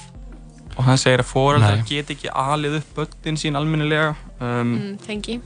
Hérna, sko, ennbendur höfundur voru aðra ógæfu sem að nokkur liti heyrir til en að nokkur liti er sköpuð henni fyrri sem aðra megin orsök til hins illa ástands landsins um hans daga en það er hversu hústjórn, húsaga og uppbeldi æskulíðsins hefur farið aftur. Ó, Damn. þetta er eitthvað sem fólk segir okkur einasta ári. Já, það svona má færa rauk fyrir því, sko. Að það er alltaf allt uh, uppeldi að fara til landskotans. Það er alltaf að vera verra og verra. Já, hann segir að skipanir duð ekki, það eru aðalega beðnir. Það er Já. alltaf verið að byðja börninum. Skipanir er náttúrulega ekki góður. Það veit að allir sem fara eftir ræ, ranna respectful eitthvað parenting. Sem er að fylgjast á, með á YouTube. Það er svona... Já. Þannig að... Ég veit ekkert Ég held að Páll Vítil hann hefur ekki, ekki eftir þetta? hann hefur ekki hýrt að þessu held ég. Nei, þið þurfa að kynna ykkur þetta strákar áður en þið hugsið, um að eignast börn. Það er eitthvað svona lámars inngrip inn í, inn í svona barnið Mhm. og svona tilfinningarlíf þess. Mhm. Leifa því að bara vera til. Ég veit Það átt ekki að vera að skipa. Nei, það var að byggja Algjörlega. Eða bjóða Já. En uh, þeir vilja líka flytja en reyndir sem áttu nú síðar eftir að gerast. Já. og þarna um 1770 og það er nú komið önnur bók á sögufélagi um sögur reyndir í Íslandi. Þannig ég lýsi það nú bara líka. En bæði Jón og Páll eigður líka miklu búið, í- fiskveiðar sem er til að vera svona helstu möguleika Íslandinga bæði fiski í miði strendur landsins og svo er talað um lax og sigungsveið í ám Ok. sem að verðast ekki hafa verið hérna uh, nýtt þar mikið en sem sagt allt ber þetta náttúrulega sama brunni sko, sem er það sem Jón Eiríksson kallar vankunnáttu í vinnubröðum Ok. sem hann, hann sem sagt með, vil meina það sem skilur menn að frá dýrum það er þekking. Og uh, hér eru tengslinn við, við upplýsinguna náttúrulega alveg augljós. Uh, það er þessi mikla trú á mannsandan og maðurinn geta einhvern veginn hafið sig yfir náttúruna og aðstæður og svona ég geta fært sér hana í nýtt og þetta hefur alveg eitthvað áhrif sko, landsendir fyrri sem að starfa þarna 1770-71 og, og hefur með höndum mikla gagna á söfnunu um ástandi á Íslandi kjölfar hennar er sett fram löggjöf sem snýrað umbótum uh, og, og þar ber hæst þúpnatilskipunin þar sem að bændum var, var gert að, sletta ákveði uh, hlutfall á túnum sínum Ok. Af hverju? Sletta? Já, vitið hvað vitið hvað þúfur eru? Þúfur eru, já Þúfur eru er svona bungur í jörðinni? Já, litlir hólar Já, það er náttúrulega náttúrulega betra að vera með tún sem er slétt sko. Já, það var eitthvað, eitthvað tískubilgi hana Já, og svo eru lögjum um vegamól, en landsendur fyrir skjöl hennar hafa verið gefið út og, og uh, alls sex bindi, uh, fjör, þrjú eru komin út. Og fyrsta bindi í þeirri ríturöð er, eru bref uh, frá almenningi sem almenningur sendir landsendinni og, og ég tók svona til gamans bref frá einum almúamanni uh, Bjarnar Högna sinni bónda á, á tjörnum við Eyjafjöll Ok. Hann svona nefnir margt að því sama á Jóna Páll en hann gerir aðtöðasendur í tóbaksölu. Ok. Um, Var hún leiðið á þessum tíma? Tóbaksala? Já, já, já. Uh, Var fólk þar ekki að síkó eða hvað var það að gera? um, Taka í vöruna? gerir mér ekki að það er menn ekki bara tekið í nefið. Já Ég held það. Og svo snúaði sér í ring, er það ekki? Já. Já, svo er það. Svo er það.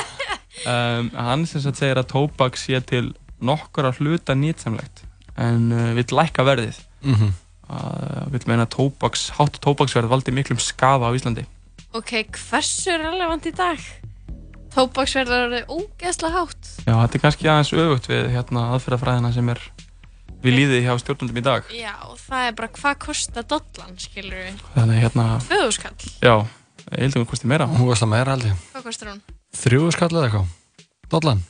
Þetta setur bara fólk á hausinn. Með þessi bara að flott. skoða Það er viðbjóðslegt að, neyta Og það eh, á það bara allt sem er óhald að vera dýrt. Það ætlar bara að fara að fá þau baconborgar á 7000 kall út í að hann er líka krabba með svolítandi. Já, var það ekki bara fínt? Er, ég er að fá, ég er að fara á KFC, ég er að fara að fá með fötu, hún kostar þetta 20 kall hann, ég þarf að taka smálán, en uh, Þetta er bara fínt.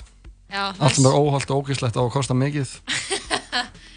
Það er sko, já, ég held að Bjarni Högnarsson sé, hann er viða á Íslandi í dag, sko. Bjarni Hegnarsson, hann er í innra með okkur öllum. Þetta, er, þetta segir fólk oft. Og svo hann er líka með eitt viðbót, sko, hann talar um brennivín sem hann segir að hátt brennivínsverð sé ekki jafn skadavænt vegna þess að það eru aðalega embættismenn sem kaupa brennivín. Oh, shades. En uh, aftur á móti sé það ómissandi í þessu kalda og, og kvillasama landi. Það eru virkilega margir sem getur tekið undir þetta í dag. Og hann sem sagt sko uh, segir að það er ekki gott að það er engin Íslandi sem kann að búa til vín úr krækiberjum. Einu sinni hafi færiskur maður kent Íslandingum að gera krækiberjavín Akkur eru færiðingar alltaf nettar en en Íslandingar? svo þekking hafi dottið niður og, og, og þetta er svona eitt af þeir sem hann vil hérna, uh, færi til betri vegar sko. Mhm. Þannig að þetta eru, það eru svona, við sjá- sjáðu sko hvað þessu hugmyndir, þessar viðristar hugmyndir ná einhvern veginn yfir allan skalan sko. Já, algjörlega. rosalega- Hér, í dag er þetta þannig að það er skrifuð ein skýrsla sem er 500 blaðsíður um eitthvað alveg óbúslega sérhæft sko. Þarna var bara skrifaður bæklingur 80 blaðsíður, Já. 100 blaðsíður sem bara Kastaði öllu fram. tók yfir allt, fiskveðar, landbúnað vínneyslu Kanski þurfum við bara aðeins að fara að líta okkur nær og fara, færa okkur aðeins aftur og baki þessu af því að hlutinu er alltaf lengi að gerast þegar það er að skrifa alltaf eitthvað svona mörg hundur blaðsina skýrslur um allt Við ættum bara hendi í eitthvað svona blöðung, bara sín. þrausa bara ein, í bara einblöðum helst og bara breyta kannski Já. myndi það breyta ykkur bara ein, já, einblúðungur, bara allir í svett allir í svett lítum okkur nær já, Já. það er svona mið Jón, uh, mér langar að spyrja þig, þú ert hérna meðan þú ert hérna með okkur. Uh, nú komst hérna senast og talaðir um þarna lenskerfið. já, fjútalisma, já Getur þú sagt okkur hvernig viðtökunar við því, uh, þeim pistli, hvernig þeir voru? Um, hvað, hvað gerðist eiginlega í kjölfarið af, af allt Það var alltaf- vitlaust, eða? Það var alltaf, þetta var svolítið svona, uh, hvað ég var að segja, umdelt, umdelt statement hjá Jóni. Hann var að tala um að að fólk væri að nota hugtæki lenskerfið rám. Og Mhm. þannig alltaf setur að staður er kannski ekki að lesa mig að segja. hræringar í...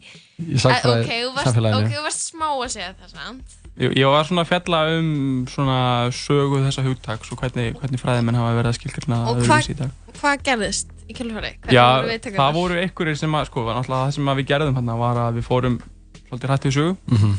höfum lítinn tíma og uh, það voru einhverjir sem gerðu ákveðnir aðtúasendir við umfyllun okkar um uh, fjútalism á Íslandi Mm. sem var nú kannski ekki umfyllunarefnið, sko. Ok.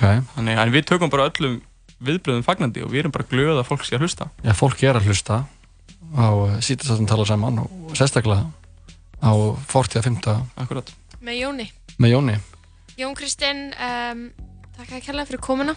Takk fyrir mig. Uh, Þetta þótt mér áhugavert sko. Við þurfum að fara að þrusa í fleiri innblöðunga og, og, og svona blöðunga viðreistnar hugmyndir. viðreisnar hugmyndir Við komum aftur eftir smástund uh, með nýjan gæst til okkar Bjarki Harðarsson BMX kappi er uh, sesturinn hér frammi og uh, við ætlum að bjóða hann velkomin. Fyrst skulum við hlusta á uh, stærsta lag ársins 2007 það var söngurinn Rihanna, og rappkongurinn Jay-Z sem gáfu út þetta lag. Þetta var á plötunni hennar Rihannu Good Girl Gone Bad. Lagið heitir á íslensku Recklif en á ennsku heitir það Umbrella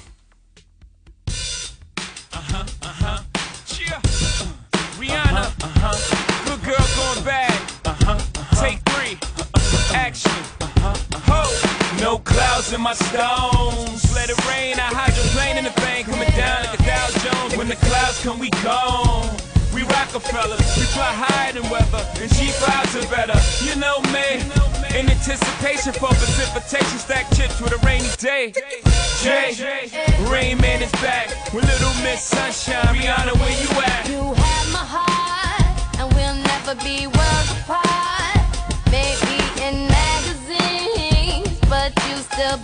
Star, baby. 'cause in the dark you can't see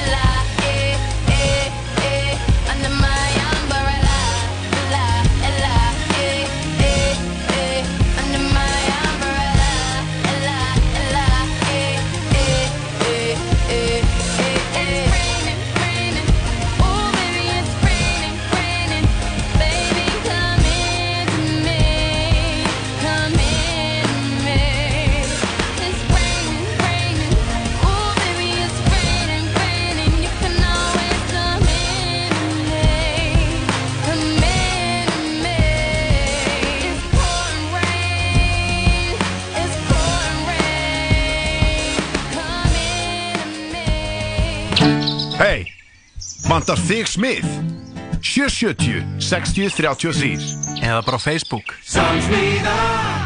Matur sem degrar við líkama og sál. Serrano Fresh Happy Max. Þú getur hlusta á alla þættina af Tala Saman á Spotify.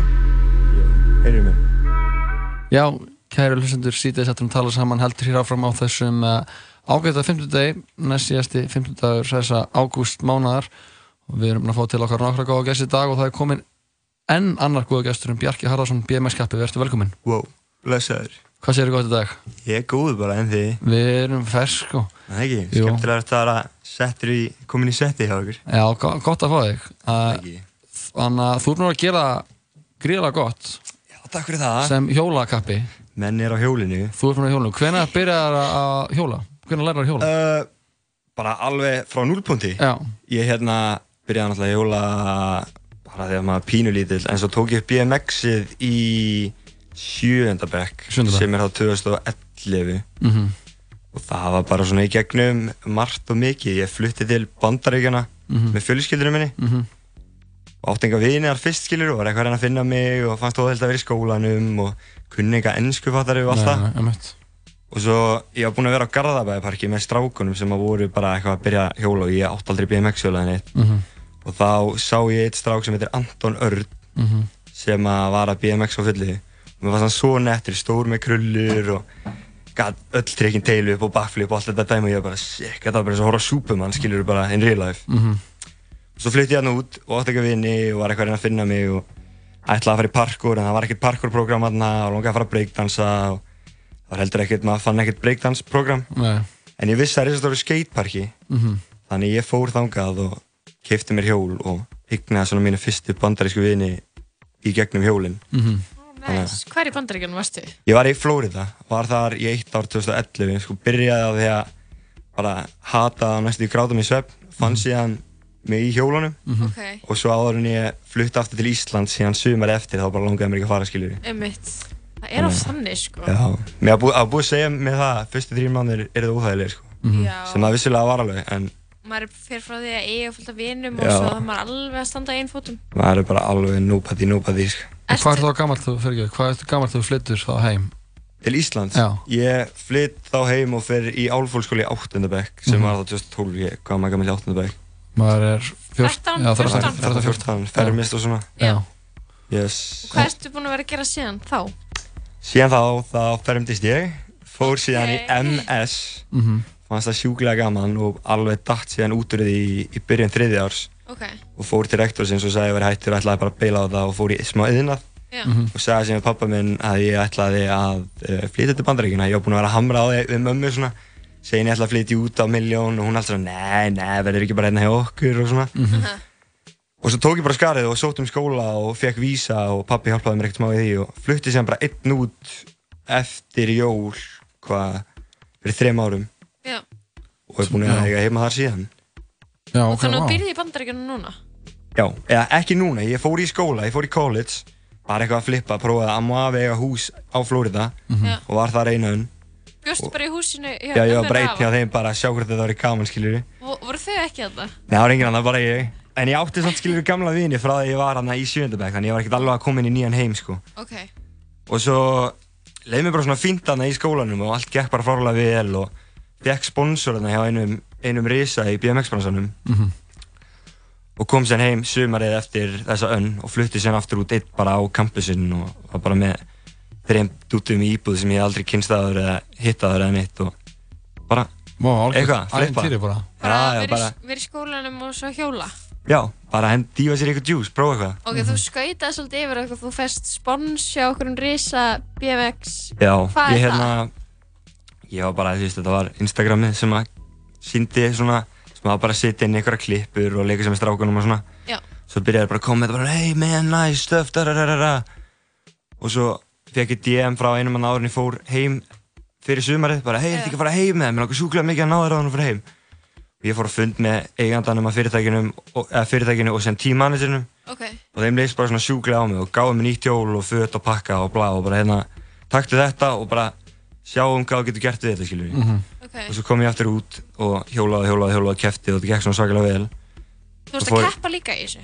Já, maður svona keppir, þú veist, ég er ekki, ég fókus ekki á að keppa Nei, en þú tekur það. en að það er eitthvað mótskilur þá keppi ég alveg og Mhm. ég er mitt sko hérna þetta er steikt saga, mér finnst leilt að segja hérna svona eins og ég sé hvað upphefði mig en ég hérna ég keppti að einu mótið þarna og þú veist, það var fyrsta mótið ég flutti, kom heim og fóð sér aftur út og kom á samning og það var bara ekki um gýr eitthvað og, og keppti á einu mótið, þú veist, það er svona amateur mótarið í Flórida. Og það er mjög reyra að sé svoleiðis þannig að það er eitt stopp á mánuði og þú veist bara síðan safnar við stigum og svo vinnur skilur kannski ferð í stærri keppnir úti og þú veist, þetta er svona safna saman bara stigum skilur. Mhm. og fyrsta keppnin þegar ég kom heim eftir, eða kom út eftir sumarið vann ég bara á móti skilur. Ég, ég hérna ég stimplaði minn í amateurflokk. Já. Og borgaði síðan 40 dólar svo fór ég að tala allar strákana og þeir eru eitthvað, "Ó, da, da, da, eitthvað spenntur að keppa og þeir eru eitthvað, er alltaf mikið 40 dólarar fyrir þessa keppni maður og það voru alveg tíma þeir eru eitthvað 40 dólarar, borgaði 40 dólarar já, ég borgaði 40 dólarar, það er ekki alveg eðlilegt það þeir eru eitthvað, nei, vorum allir í 15, vorum allir í 15 eitthvað ég eitthvað, ha, fóru upp eitthvað, þá skráði ég mig í atvinnumannaflokkin og ég var ekki orðin atvinnumæður, skilur, ég var bara. Oh my god. En svo vann ég atvinnumannaflokkin Wow. Skilurðu? þeir sögðu mér ekki að stimpla um út úr honum þannig að ég sagði bara fokkið og kýldi á það og gekk bara svona sjúklega vel Já. og, og vann þá fullt af strákum sem ég var búin að líti upp til og bara svona gott ego-boost skilur við Aha. Og hvað hafa það í förmessir? Hvað er svona, opnaðist það eitthvað fleiri dyr fyrir þér eða? Já, opnaðist hell, hellingar af dyrum ég komst á styrkja á fyrirtækinu þannig sem var búið að vera að gefa mér smá dót og svo gaf ég út núna í vetur svona Welcome to the Team vídeo Mhm. sem að bara fekk góða móttökur og allt í góðum það Mhm. og svo, já, fyndi með vídeo ég var að fá, í, þannig að ég fekk SMS frá tímann sem mínum í morgun að það er svona grammisvelun fyrir hjól eiginlega, þetta hljóma svona smá klísei Já. þessi það er jakkaföt og ræður og sína myndir og drastl og eitthvað Aha. og það er splittað í þú veist það er svona best female writer og best þetta og da da da da og svo er þú veist það er net videopart Aha. og svo er DFD videopart og er þá nominata fyrir net videopart of the year Oh my god, til Þannig hamingju. að- Já, það er stemming á bókið það, ég var ekki búist við því sko. Þannig að þú ert bara að að rústa þessu eða Það er eitthvað að leika sér Óhætt að segja það Það er eitthvað stemming, það er eitthvað í gangi Þú ertu í Flórida þá bara, bara áfram með það? Ég hérna, ég kláraði núna Business Administration í college sem ég var úti í, í hérna, þessi þrjú ár Ok. Það er alveg ég- tíma til að sinna náminu með frá því að vera að hjóla. Já, já, þú veist, námið var svo spennandi því að þú hafðir eitthvað, skiljur, það var eitthvað sem borgaði upp á móti, skiljur, ég gæti bara að læra, þá fór ég bara að læra, læra, læra, læra, Já. og svo bara, ok, þegar ég er búinn að læra, þá bara út að leika mig, skiljur. Já, já, En það var aldrei eitthvað svona, ó, að læra, skiljur, ó, að læra, og svo bara búinn að læra að setja sér einhvern gýr og svona bara, þú veist, Já, nákvæmlega. drekka gott kaffi og hlusta gott tónlist að maður lærir, Mhm. að að í. Algjörlega. Erum við ekki að hlusta eitt lag árum við höldum að fara að spjarka, spjallaði Bjarka? Jú, gerum Ekkert það. betta. Það er ekki? Ekki. Við erum að spila músík frá árinu 2007. Það er þeim að hver í dag. Á Peppaður. 40 að 50. Ég er peppaður. Og uh, mér langar að hlusta á Soulja Boy. Já, er það að lagi Crank That?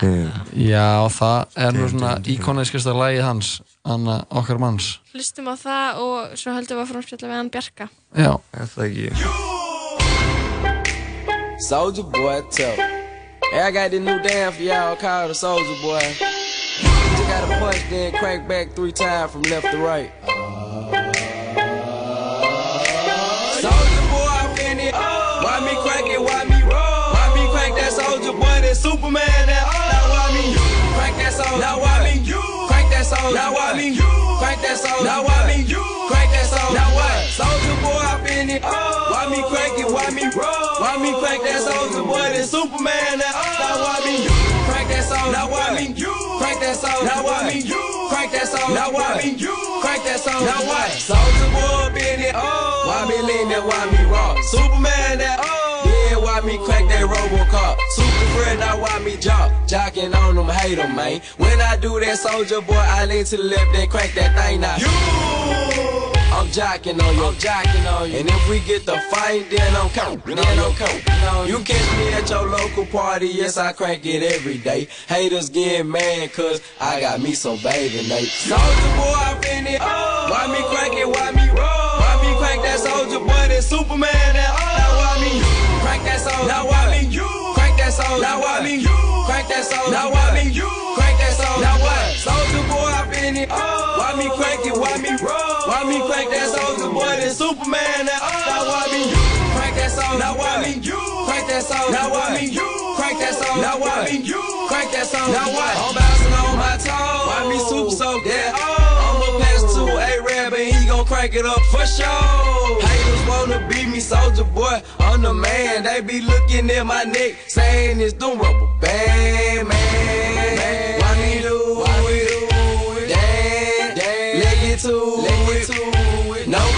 can't do it like me, though. So don't do it like me, folk. I seen you try to do it like me. Man, that damn was ugly. Soldier boy, I'm in it. Why me crank it? Why me roll? Why me crank that soldier boy? That Superman? That now why me crank that soldier? Now why me crank that soldier? Now why me crank that soldier? Now why me crank that soldier? Now what? Soldier boy, I'm in it. Why me crank it? Why me roll? Why me crank that soldier boy? That Superman? That now why me crank that soldier? Now why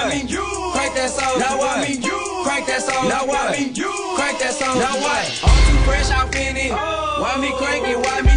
Why me crank that Roosevelt and super soak that? Oh. Super soak that. Oh. Super soak that. Super soak that. Super super soaked that.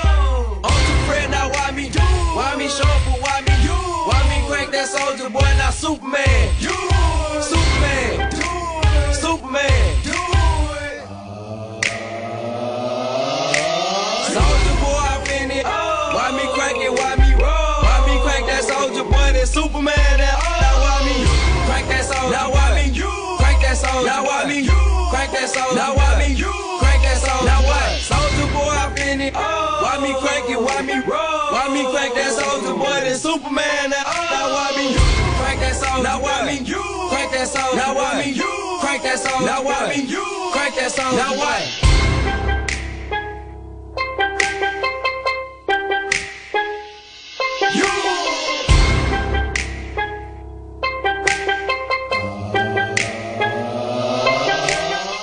Já, Soulja Boy, lagið eh, Crank That Soulja Boy frá árinu 2007, við höldum áfram í uh, þeman okkar á þessum 45. degi sem er árið 2007, spilum bara músík frá því herrans ári.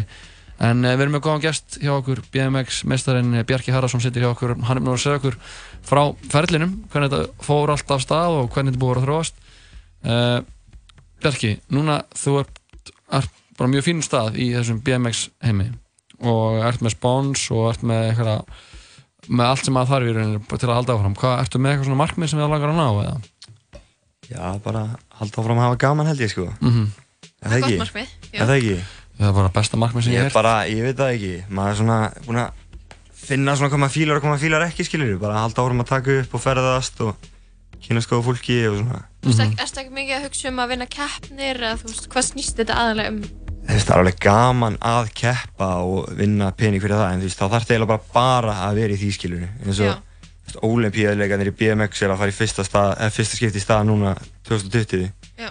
Þú veist, menn sem er að keppa í því eru bara alveg bara head first í því skilur Ok, hvernig, þú veist, hver er munurinn að því vera bara, þú veist, að hjóla til þess að hafa gaman og svo vera að æfa sig fyrir keppni? Ertu þá bara eitthvað að gera eitthvað æfingar sem er eitthvað Já, menn er alveg á mataprógrami og mæta, þú veist, átta til bla bla bla upp á skatepark og þú veist, þetta er alveg Það er svona eins og vinna, Já, svona mikið. þetta er svolítið mikið svona bara, þú veist, ertu að reyna að vinna byggar, skilur eða eins og fyrir mig er þetta bara, þú veist, gaman að vera úti í, í náttúrunni og bara, þú veist, taka upp eitthvað svona, eitthvað svona, svona pjúra minningar, skilur Mér finnst maður vera svo mikið róbot þegar maður er að keppa alveg bara, mér finnst þess að fólk sé svo mikið, eða fyrir mig allan alltaf þegar ég keppi þá, þú veist, mér finnst þess að ég sé að gera það fyrir eitthvað aðra Mhm. Já. en þegar ég fer út, skilur þá bara, þegar ég finn ekki neitt sem ég líst á, skilur eins og bara handrið eða tröppur eða eitthvað, þá bara, so, skilur þá bara move on to the next one. Já, um eitt. En er það þá, er einhver munur á í rauninni æfingunum sem uh, þeir sem uh, er að keppa og þeim, og þeim sem þú ert að gera, er, eða þú veist, er það, er það aðrar áherslur í, í keppninni, er það frekar í þessu frístæli? Uh, það ætti skipt upp í skilur það er street BMX sem er þá handrið og slæt og svona dropp og niður tröppur og eitthvað Mhm. og svo eru risastóri pallar skilur sem væri þá park Mhm. og síðan er vört sem er veist eitthvað skriljónum metra hár bara svona rampur skilur Já, sem já. bara upp niður upp niður Mhm. það er mjög spooky og svo er megaramp og þú veist það er keft í öllu Já. alltaf þegar ég keppi þá keppi ég bara í street skilur það sem að maður er að fara niður handrið og Þú veist, meira svona að gera það heldur en að vera í svona park, eitthvað að... Já, ég fýla bara ekki, þú veist, að vera settur í einhvern kassa, það er svona kannski pælingin, skilur, að vera settur inn í bara, hérna eru þessi pallar, gerðu bara allt sem þú getur gert á þessum pöllum, í staðin fyrir að ég geti farið út og séð kannski eitthvað kant sem enginn hefur séð á þér og gert á eitthvað á honum sem að mér finnst nett frá mínu sjónarhóndi, skilur við. Mhm. Bara, voru þessi playground, skilur við. En uh, þú varst að segja eitthvað frá þig, þú varst fegst vísa en það er eitthvað að renna út núna.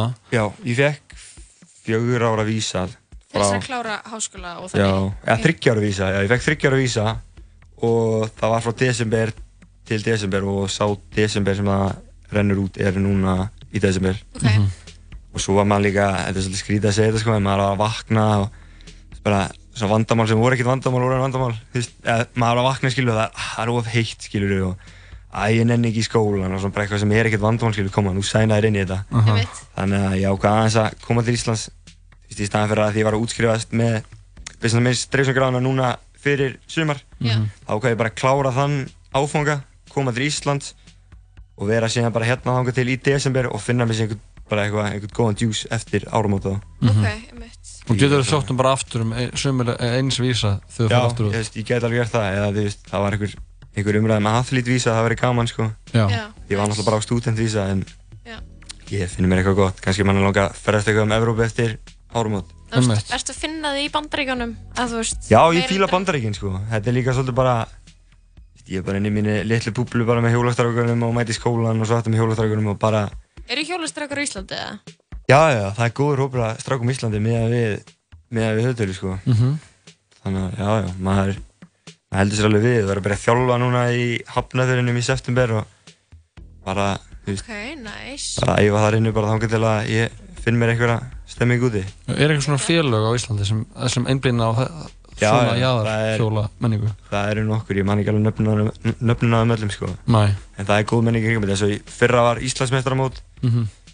og sem verður þetta ekki á þessari, en það var í fyrra og hitt í fyrra og það var farandbyggar og haldið utan um það og svo verðum við að reyna, við ætlum að halda nokkur jams kannski núna í vetur í tengingu við þessi námskeið og svona, það sem að krakkar skilja, þetta er svo hóp, þetta er svona hóp íþrótt þannig séð skilja, Mhm. það er bara klíkur skilja, einu í Vesturbænum og einu í Árbænum og Já, já. Veist, það er fullt af fólki sem tala um hennar á Instagram en maður hittir aldrei skilur sem meikar enga sens að því maður er þannig séð út um allt sko. Mhm. það verður gaman að hafa eitthvað svona það sem að krakkarnir geta hist og hjóla saman og hlusta góð tónlist og gefa einhver velun og Já, það hljómar eins og bara eitthvað geðveikt veislu. starf, já, þrjus einhverjum orkudrykkjum í hverja krakka komaði með góða heiminn Finnst þér eitthvað annað skemmtilegt heldur en að hjóla? Eitthvað svona önnur íþrótt sem þú varst í sem er svona líka næs? Já, þú veist, ég er eitthvað að reyna að spila golf bara því að það er sósal sko eiga inni því að verð gamall maður og get ekki, get ekki hjóla lengur Mhm. það verður gaman að vera með góða fólki og geta að fara með köllanum eitthvað að sprengja nokkur út af velli sko Já, ég þarf að koma mér yfir þetta líka, sko. Golfið er djú sko Það er 100% Þetta er... þetta Ekki er- samlega því það? Ég veit það ekki. Ég?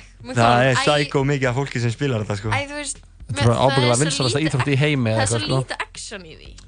Það er ekki bara stemmingið það Já, en þú ert bara að slá og síðan ertu bara að lappa um á grasi og spjalla. Mhm. Já, ég var alveg, ég æfði golf sko þegar ég var lítil. Í Ég bjó náttúrunni, við hliðin á golfvelli. þögninni Þetta er geggjað. Það sem geði að fyndi að þú hafi verið eitthvað að lítið barn að æfa golf. Ég vann svona chip-keppni, ég var úrslega góð að chippa. Veitu þið hvað chip, þú veist hvað Já, chip já, er? já, já. Já, já. Það er mjög gaman að chippa sko. Þetta er gott sko, þetta er líka eins og fyrir mig skilur Ég er í einhver BMX eða sem er í fjóra klukkutíma þú veist að hoppa niður tröppur og lenda á raskatinu og hoppa niður tröppur og maður alveg að missa viti sko. Ég veit. Svo fyrir maður í golf og það er bara, maður gæti ekki rólir slá okkur kúlur og það er eitthvað lélætt högg þá bara fínt skilur Já, það er ekki... Fráfram gakk Fara ekki, fara ekki á í rassin og ég... Nei, ég segi að þetta er alveg tilbreyting sko, Já. alveg tilbreyting. Golf getur samt alveg verið hættulegt, þú getur fengið golfkúli í hausinn sko. Það er samt einn á móti bara eitthvað Það er milljón. mesti hérna, það er hæðsta döðatíðnin af öllum íþróttum í heiminum í golfi. Aha. Ég er ekki að grínast. Ertu að djúka? Ég, ástæðan er samt það að það er alltaf svo, það er svo mikið eldurborgum í því. Hjarta á þetta Já. En Ah, aftur fyrir utan íþróttir, er hvað finnst þér, hefur að að þú ert náttúrulega, ert, þú ert Vera pro með- athlete, þannig að þú veist, það er svona það sem þú gerir, utan þess þarftu að- það er kannski til svona að hjálpa þér eða lítur þú svo á að það sem þú gerir svona bara dags til, dags dags Já. já, já, þú veist maður ég get náttúrulega þessu gaman, ég er ekki ég er ekki á payróli, ég fæ bara borga fyrir að þú veist, þetta er svona eiginlega eins og að vera verktaki, ég fæ Mhm. bara borga fyrir hvað ég duglegur, skilur, þú veist, ef Einmitt. ég tek upp klipp og setja á Instagram, þá fæ ég borga fyrir hana og Já. ef ég tek upp vídeo og geða, þá fæ ég ef ég mæta á viðburði og bla bla bla, þá fæ ég, þú veist ég er ekki að fá mánaðarlega innlögn, af því ég er ekki professional, ég er ekki í professional tíminu, sko, ég er bara í am tíminu Já, já. það er svona munurinn á professional am í þessu, þessu sporti og hjólabretti og öllu þessu líka en já, bara, þú veist drekka gott kaffi, vera með góðum vinum og Mhm. Halda ég veit þér það ferskum. já, já Ekki mikilvægast. Ég held að það sé bara eina sem-. Spjalla Já. Hvar getur maður séð dótið þitt? Bara searcha nafnum mitt á Instagram eða YouTube eða eitthvað Google, Ok. þess vegna Að þú veist með góða instasíðu til að Já, kíkja á. já, þú veist Maður reynir að halda henni virkri Ég meina, ég er bara dáist að þessum vídeóum sem Nei, setja ekki? Jú, þetta er bara það, gæðið, maður. bara fyrir inspirasjón að sjá Já, reymi það er svo gott að Ég var alltaf, ég, hérna, ég er að vinna í gröfu í Keflavík hérna núna í sumar og alltaf á mótnana það er þetta hrósa mér Já. á mótnana var ég að keira til Keflavíkur alveg sko bara að drepast með kaffibóll alveg að halda mér, halda mér bara vakandi heyri mér alltaf í Jóa í þegar það var með morgun þátt Já, í já, sumar. nákvæmlega. bara Jó, góðan daginn, eh, velkomin eh, þetta er mánudagurinn 30. júli eða eitthvað. Og svo bara Við ætlum að starta þennan mánudags morgun á uh, Drip and Drown með Atlanta tvíeginu og svo bara Metro, Metro. Og svo bara og maður bara situr hann í bílu og bara yeah! Það er gott að heyra sko. Geðveikt sko. Já, það er fólk hann úti sem kann að veta þetta Geðveikt að fá trappið sko klokkan 8 á mánuði bara gott. Mikið að fá trappið svona á mótna Geggjuð stemming sko. En Bjarki, það var gæðið að fá þig. Takk fyrir. Takk hérna fyrir að koma. Gaman að koma. Gangi þér vel, Og maður. við bara hlökkum til að fylgjast með þér í framtíðinni. Já, takk fyrir að anda ykkur íslenskri menningu. Já, við gerum það, við öndum henni af. Mér langar að enda á einu, anna, enda að spjalla á einu svona rocklægi Já. Hvað? Já, Það er óskalæði? það? verður að vera frá 2007 Hendi í hérna Borderline með Madonna. En það var 2007? Það er geðveikt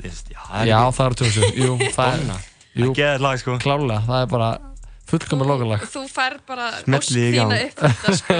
Það er ekki setja kyrri sko Herru, takk hella fyrir. Takk Við fyrir, komum aftur eftir smá stund og uh, sláum botnina þátt Já, gerum það. Búm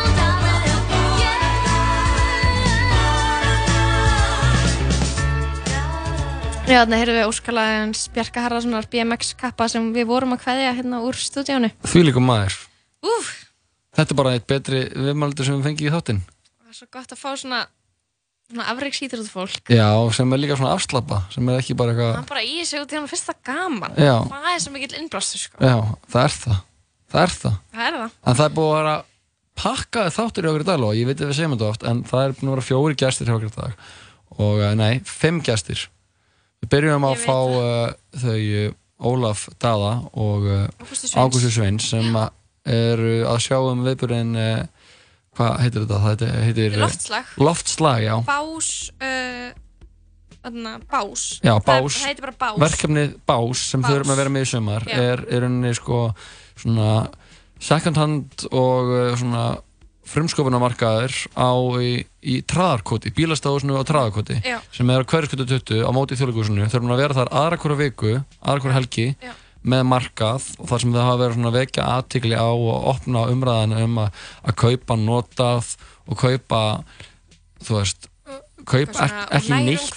nærumhverfi beint frá bíli þannig vibes, þetta heitir einmitt sko loftslagsmarkaður. Loftslagsmarkaður sem er geggjað og þau eru bara svona að hugsa um sko hvað þau geta gert og hvað einstaklingurinn geta gert Mhm. og hvernig og bara svona vekja umræðu um þetta. Búið til samengi fyrir samtal sem Já. er náttúrulega það sem við þurfum á nöðsanlega að halda. Algjörlega og það er svona þessi tónleikar þar hérna í Traðakoti á menninganót lögataskvöldið Mhm. það verða margir skemmtilega listamenn Mhm. og náttúrulega auðvitað ákipið sinn já, það og það verður við bara búumst við góðri stemmingu þar já, það er sko Gugusar er að spila sem uh, vann músíktölurinnir ungstyrnið eins og við kynntum það sem Mhm.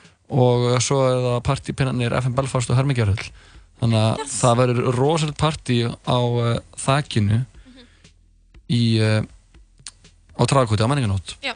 Næst fengum við til okkar hana Elinborga Hörpu Já. sem uh, átti í sko vægarsagt leðilegum samskiptum við laurugluna og af, lendi í afskiptum lauruglunar á, á uh, í Pride þar sem hún var uh, handtekinn fyrir ekki neitt Nei, hún var bara leiðin að hitta vinkonu sínar Já. og var tek, tekið niður í jörðina og færð upp á lauruglustöð Já, var fyrir ó- ólöglegri valdbendingu lauruglunar og uh, hún var aðeins bara að koma að segja eitthvað frá þessu og það er hann að mikilvægt að halda, upp í samtali við varandi svona málefni að því að svona á til að, að hverfa.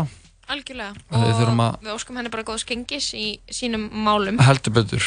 Eftir það tölum við hann, við hann Jón Kristinn, hann var að uh, flytja okkur uh, pistilinn fortíðar 50 dagur og hann var að fjalla um hérna upprunalegu viðrist og þegar að Íslandingar og, og, og dansk stjórnvöld vildu eitthvað neginn koma Íslandi áfram, Mhm. byggja það upp, Mhm. gera betur Mhm. eftir uh, áföllin sem dundu á hérna á öldum áður Já, og svo var hann Bjarki hérna, Bjarki Herðar, BMX snillingur og hvetjum bara hlustandi til að kíkja, kíkja á grammið hans Já, Bjarki Harðarson á- geggjuð- geggjuð vídeo á grammið. Hann er að gera það svo gott sem eh, BMX snillingur og er búinn að bjóða í Florida og gera gott mót þar og nú er komin heim og hún er bara að standa allar dyr opnar. Þannig að ég hlaka þetta að fylgjast með þessum unga manni í framtíðinni. Hann er aftur að gera það greiðlega gott og er farin að gera það nú þegar og ég vildi bara ennþá að ég gæti prjónað á hjóli, ég kann það ekki.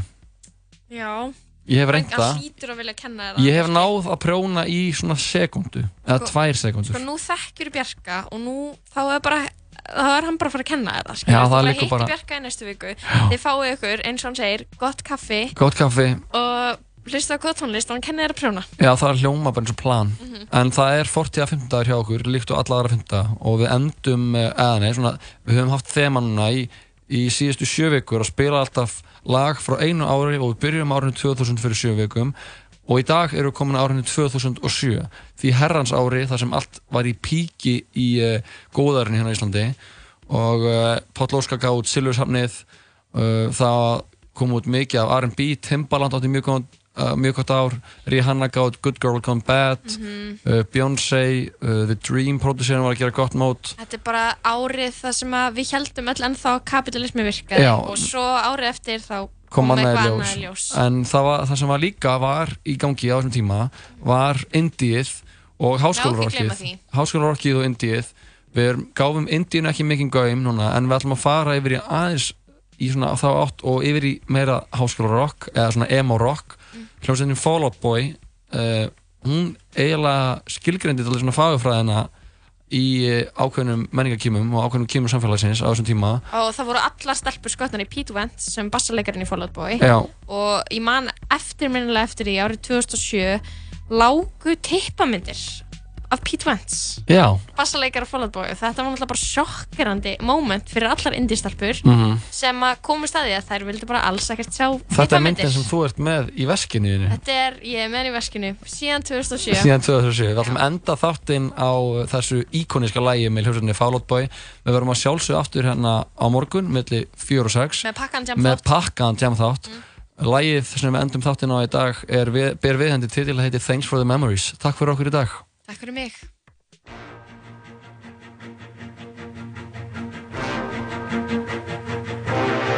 I'm gonna make it bend and break.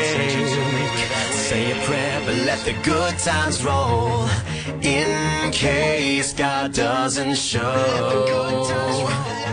And I want these words to make things right, but it's the wrongs that make the words come to life. But who does he think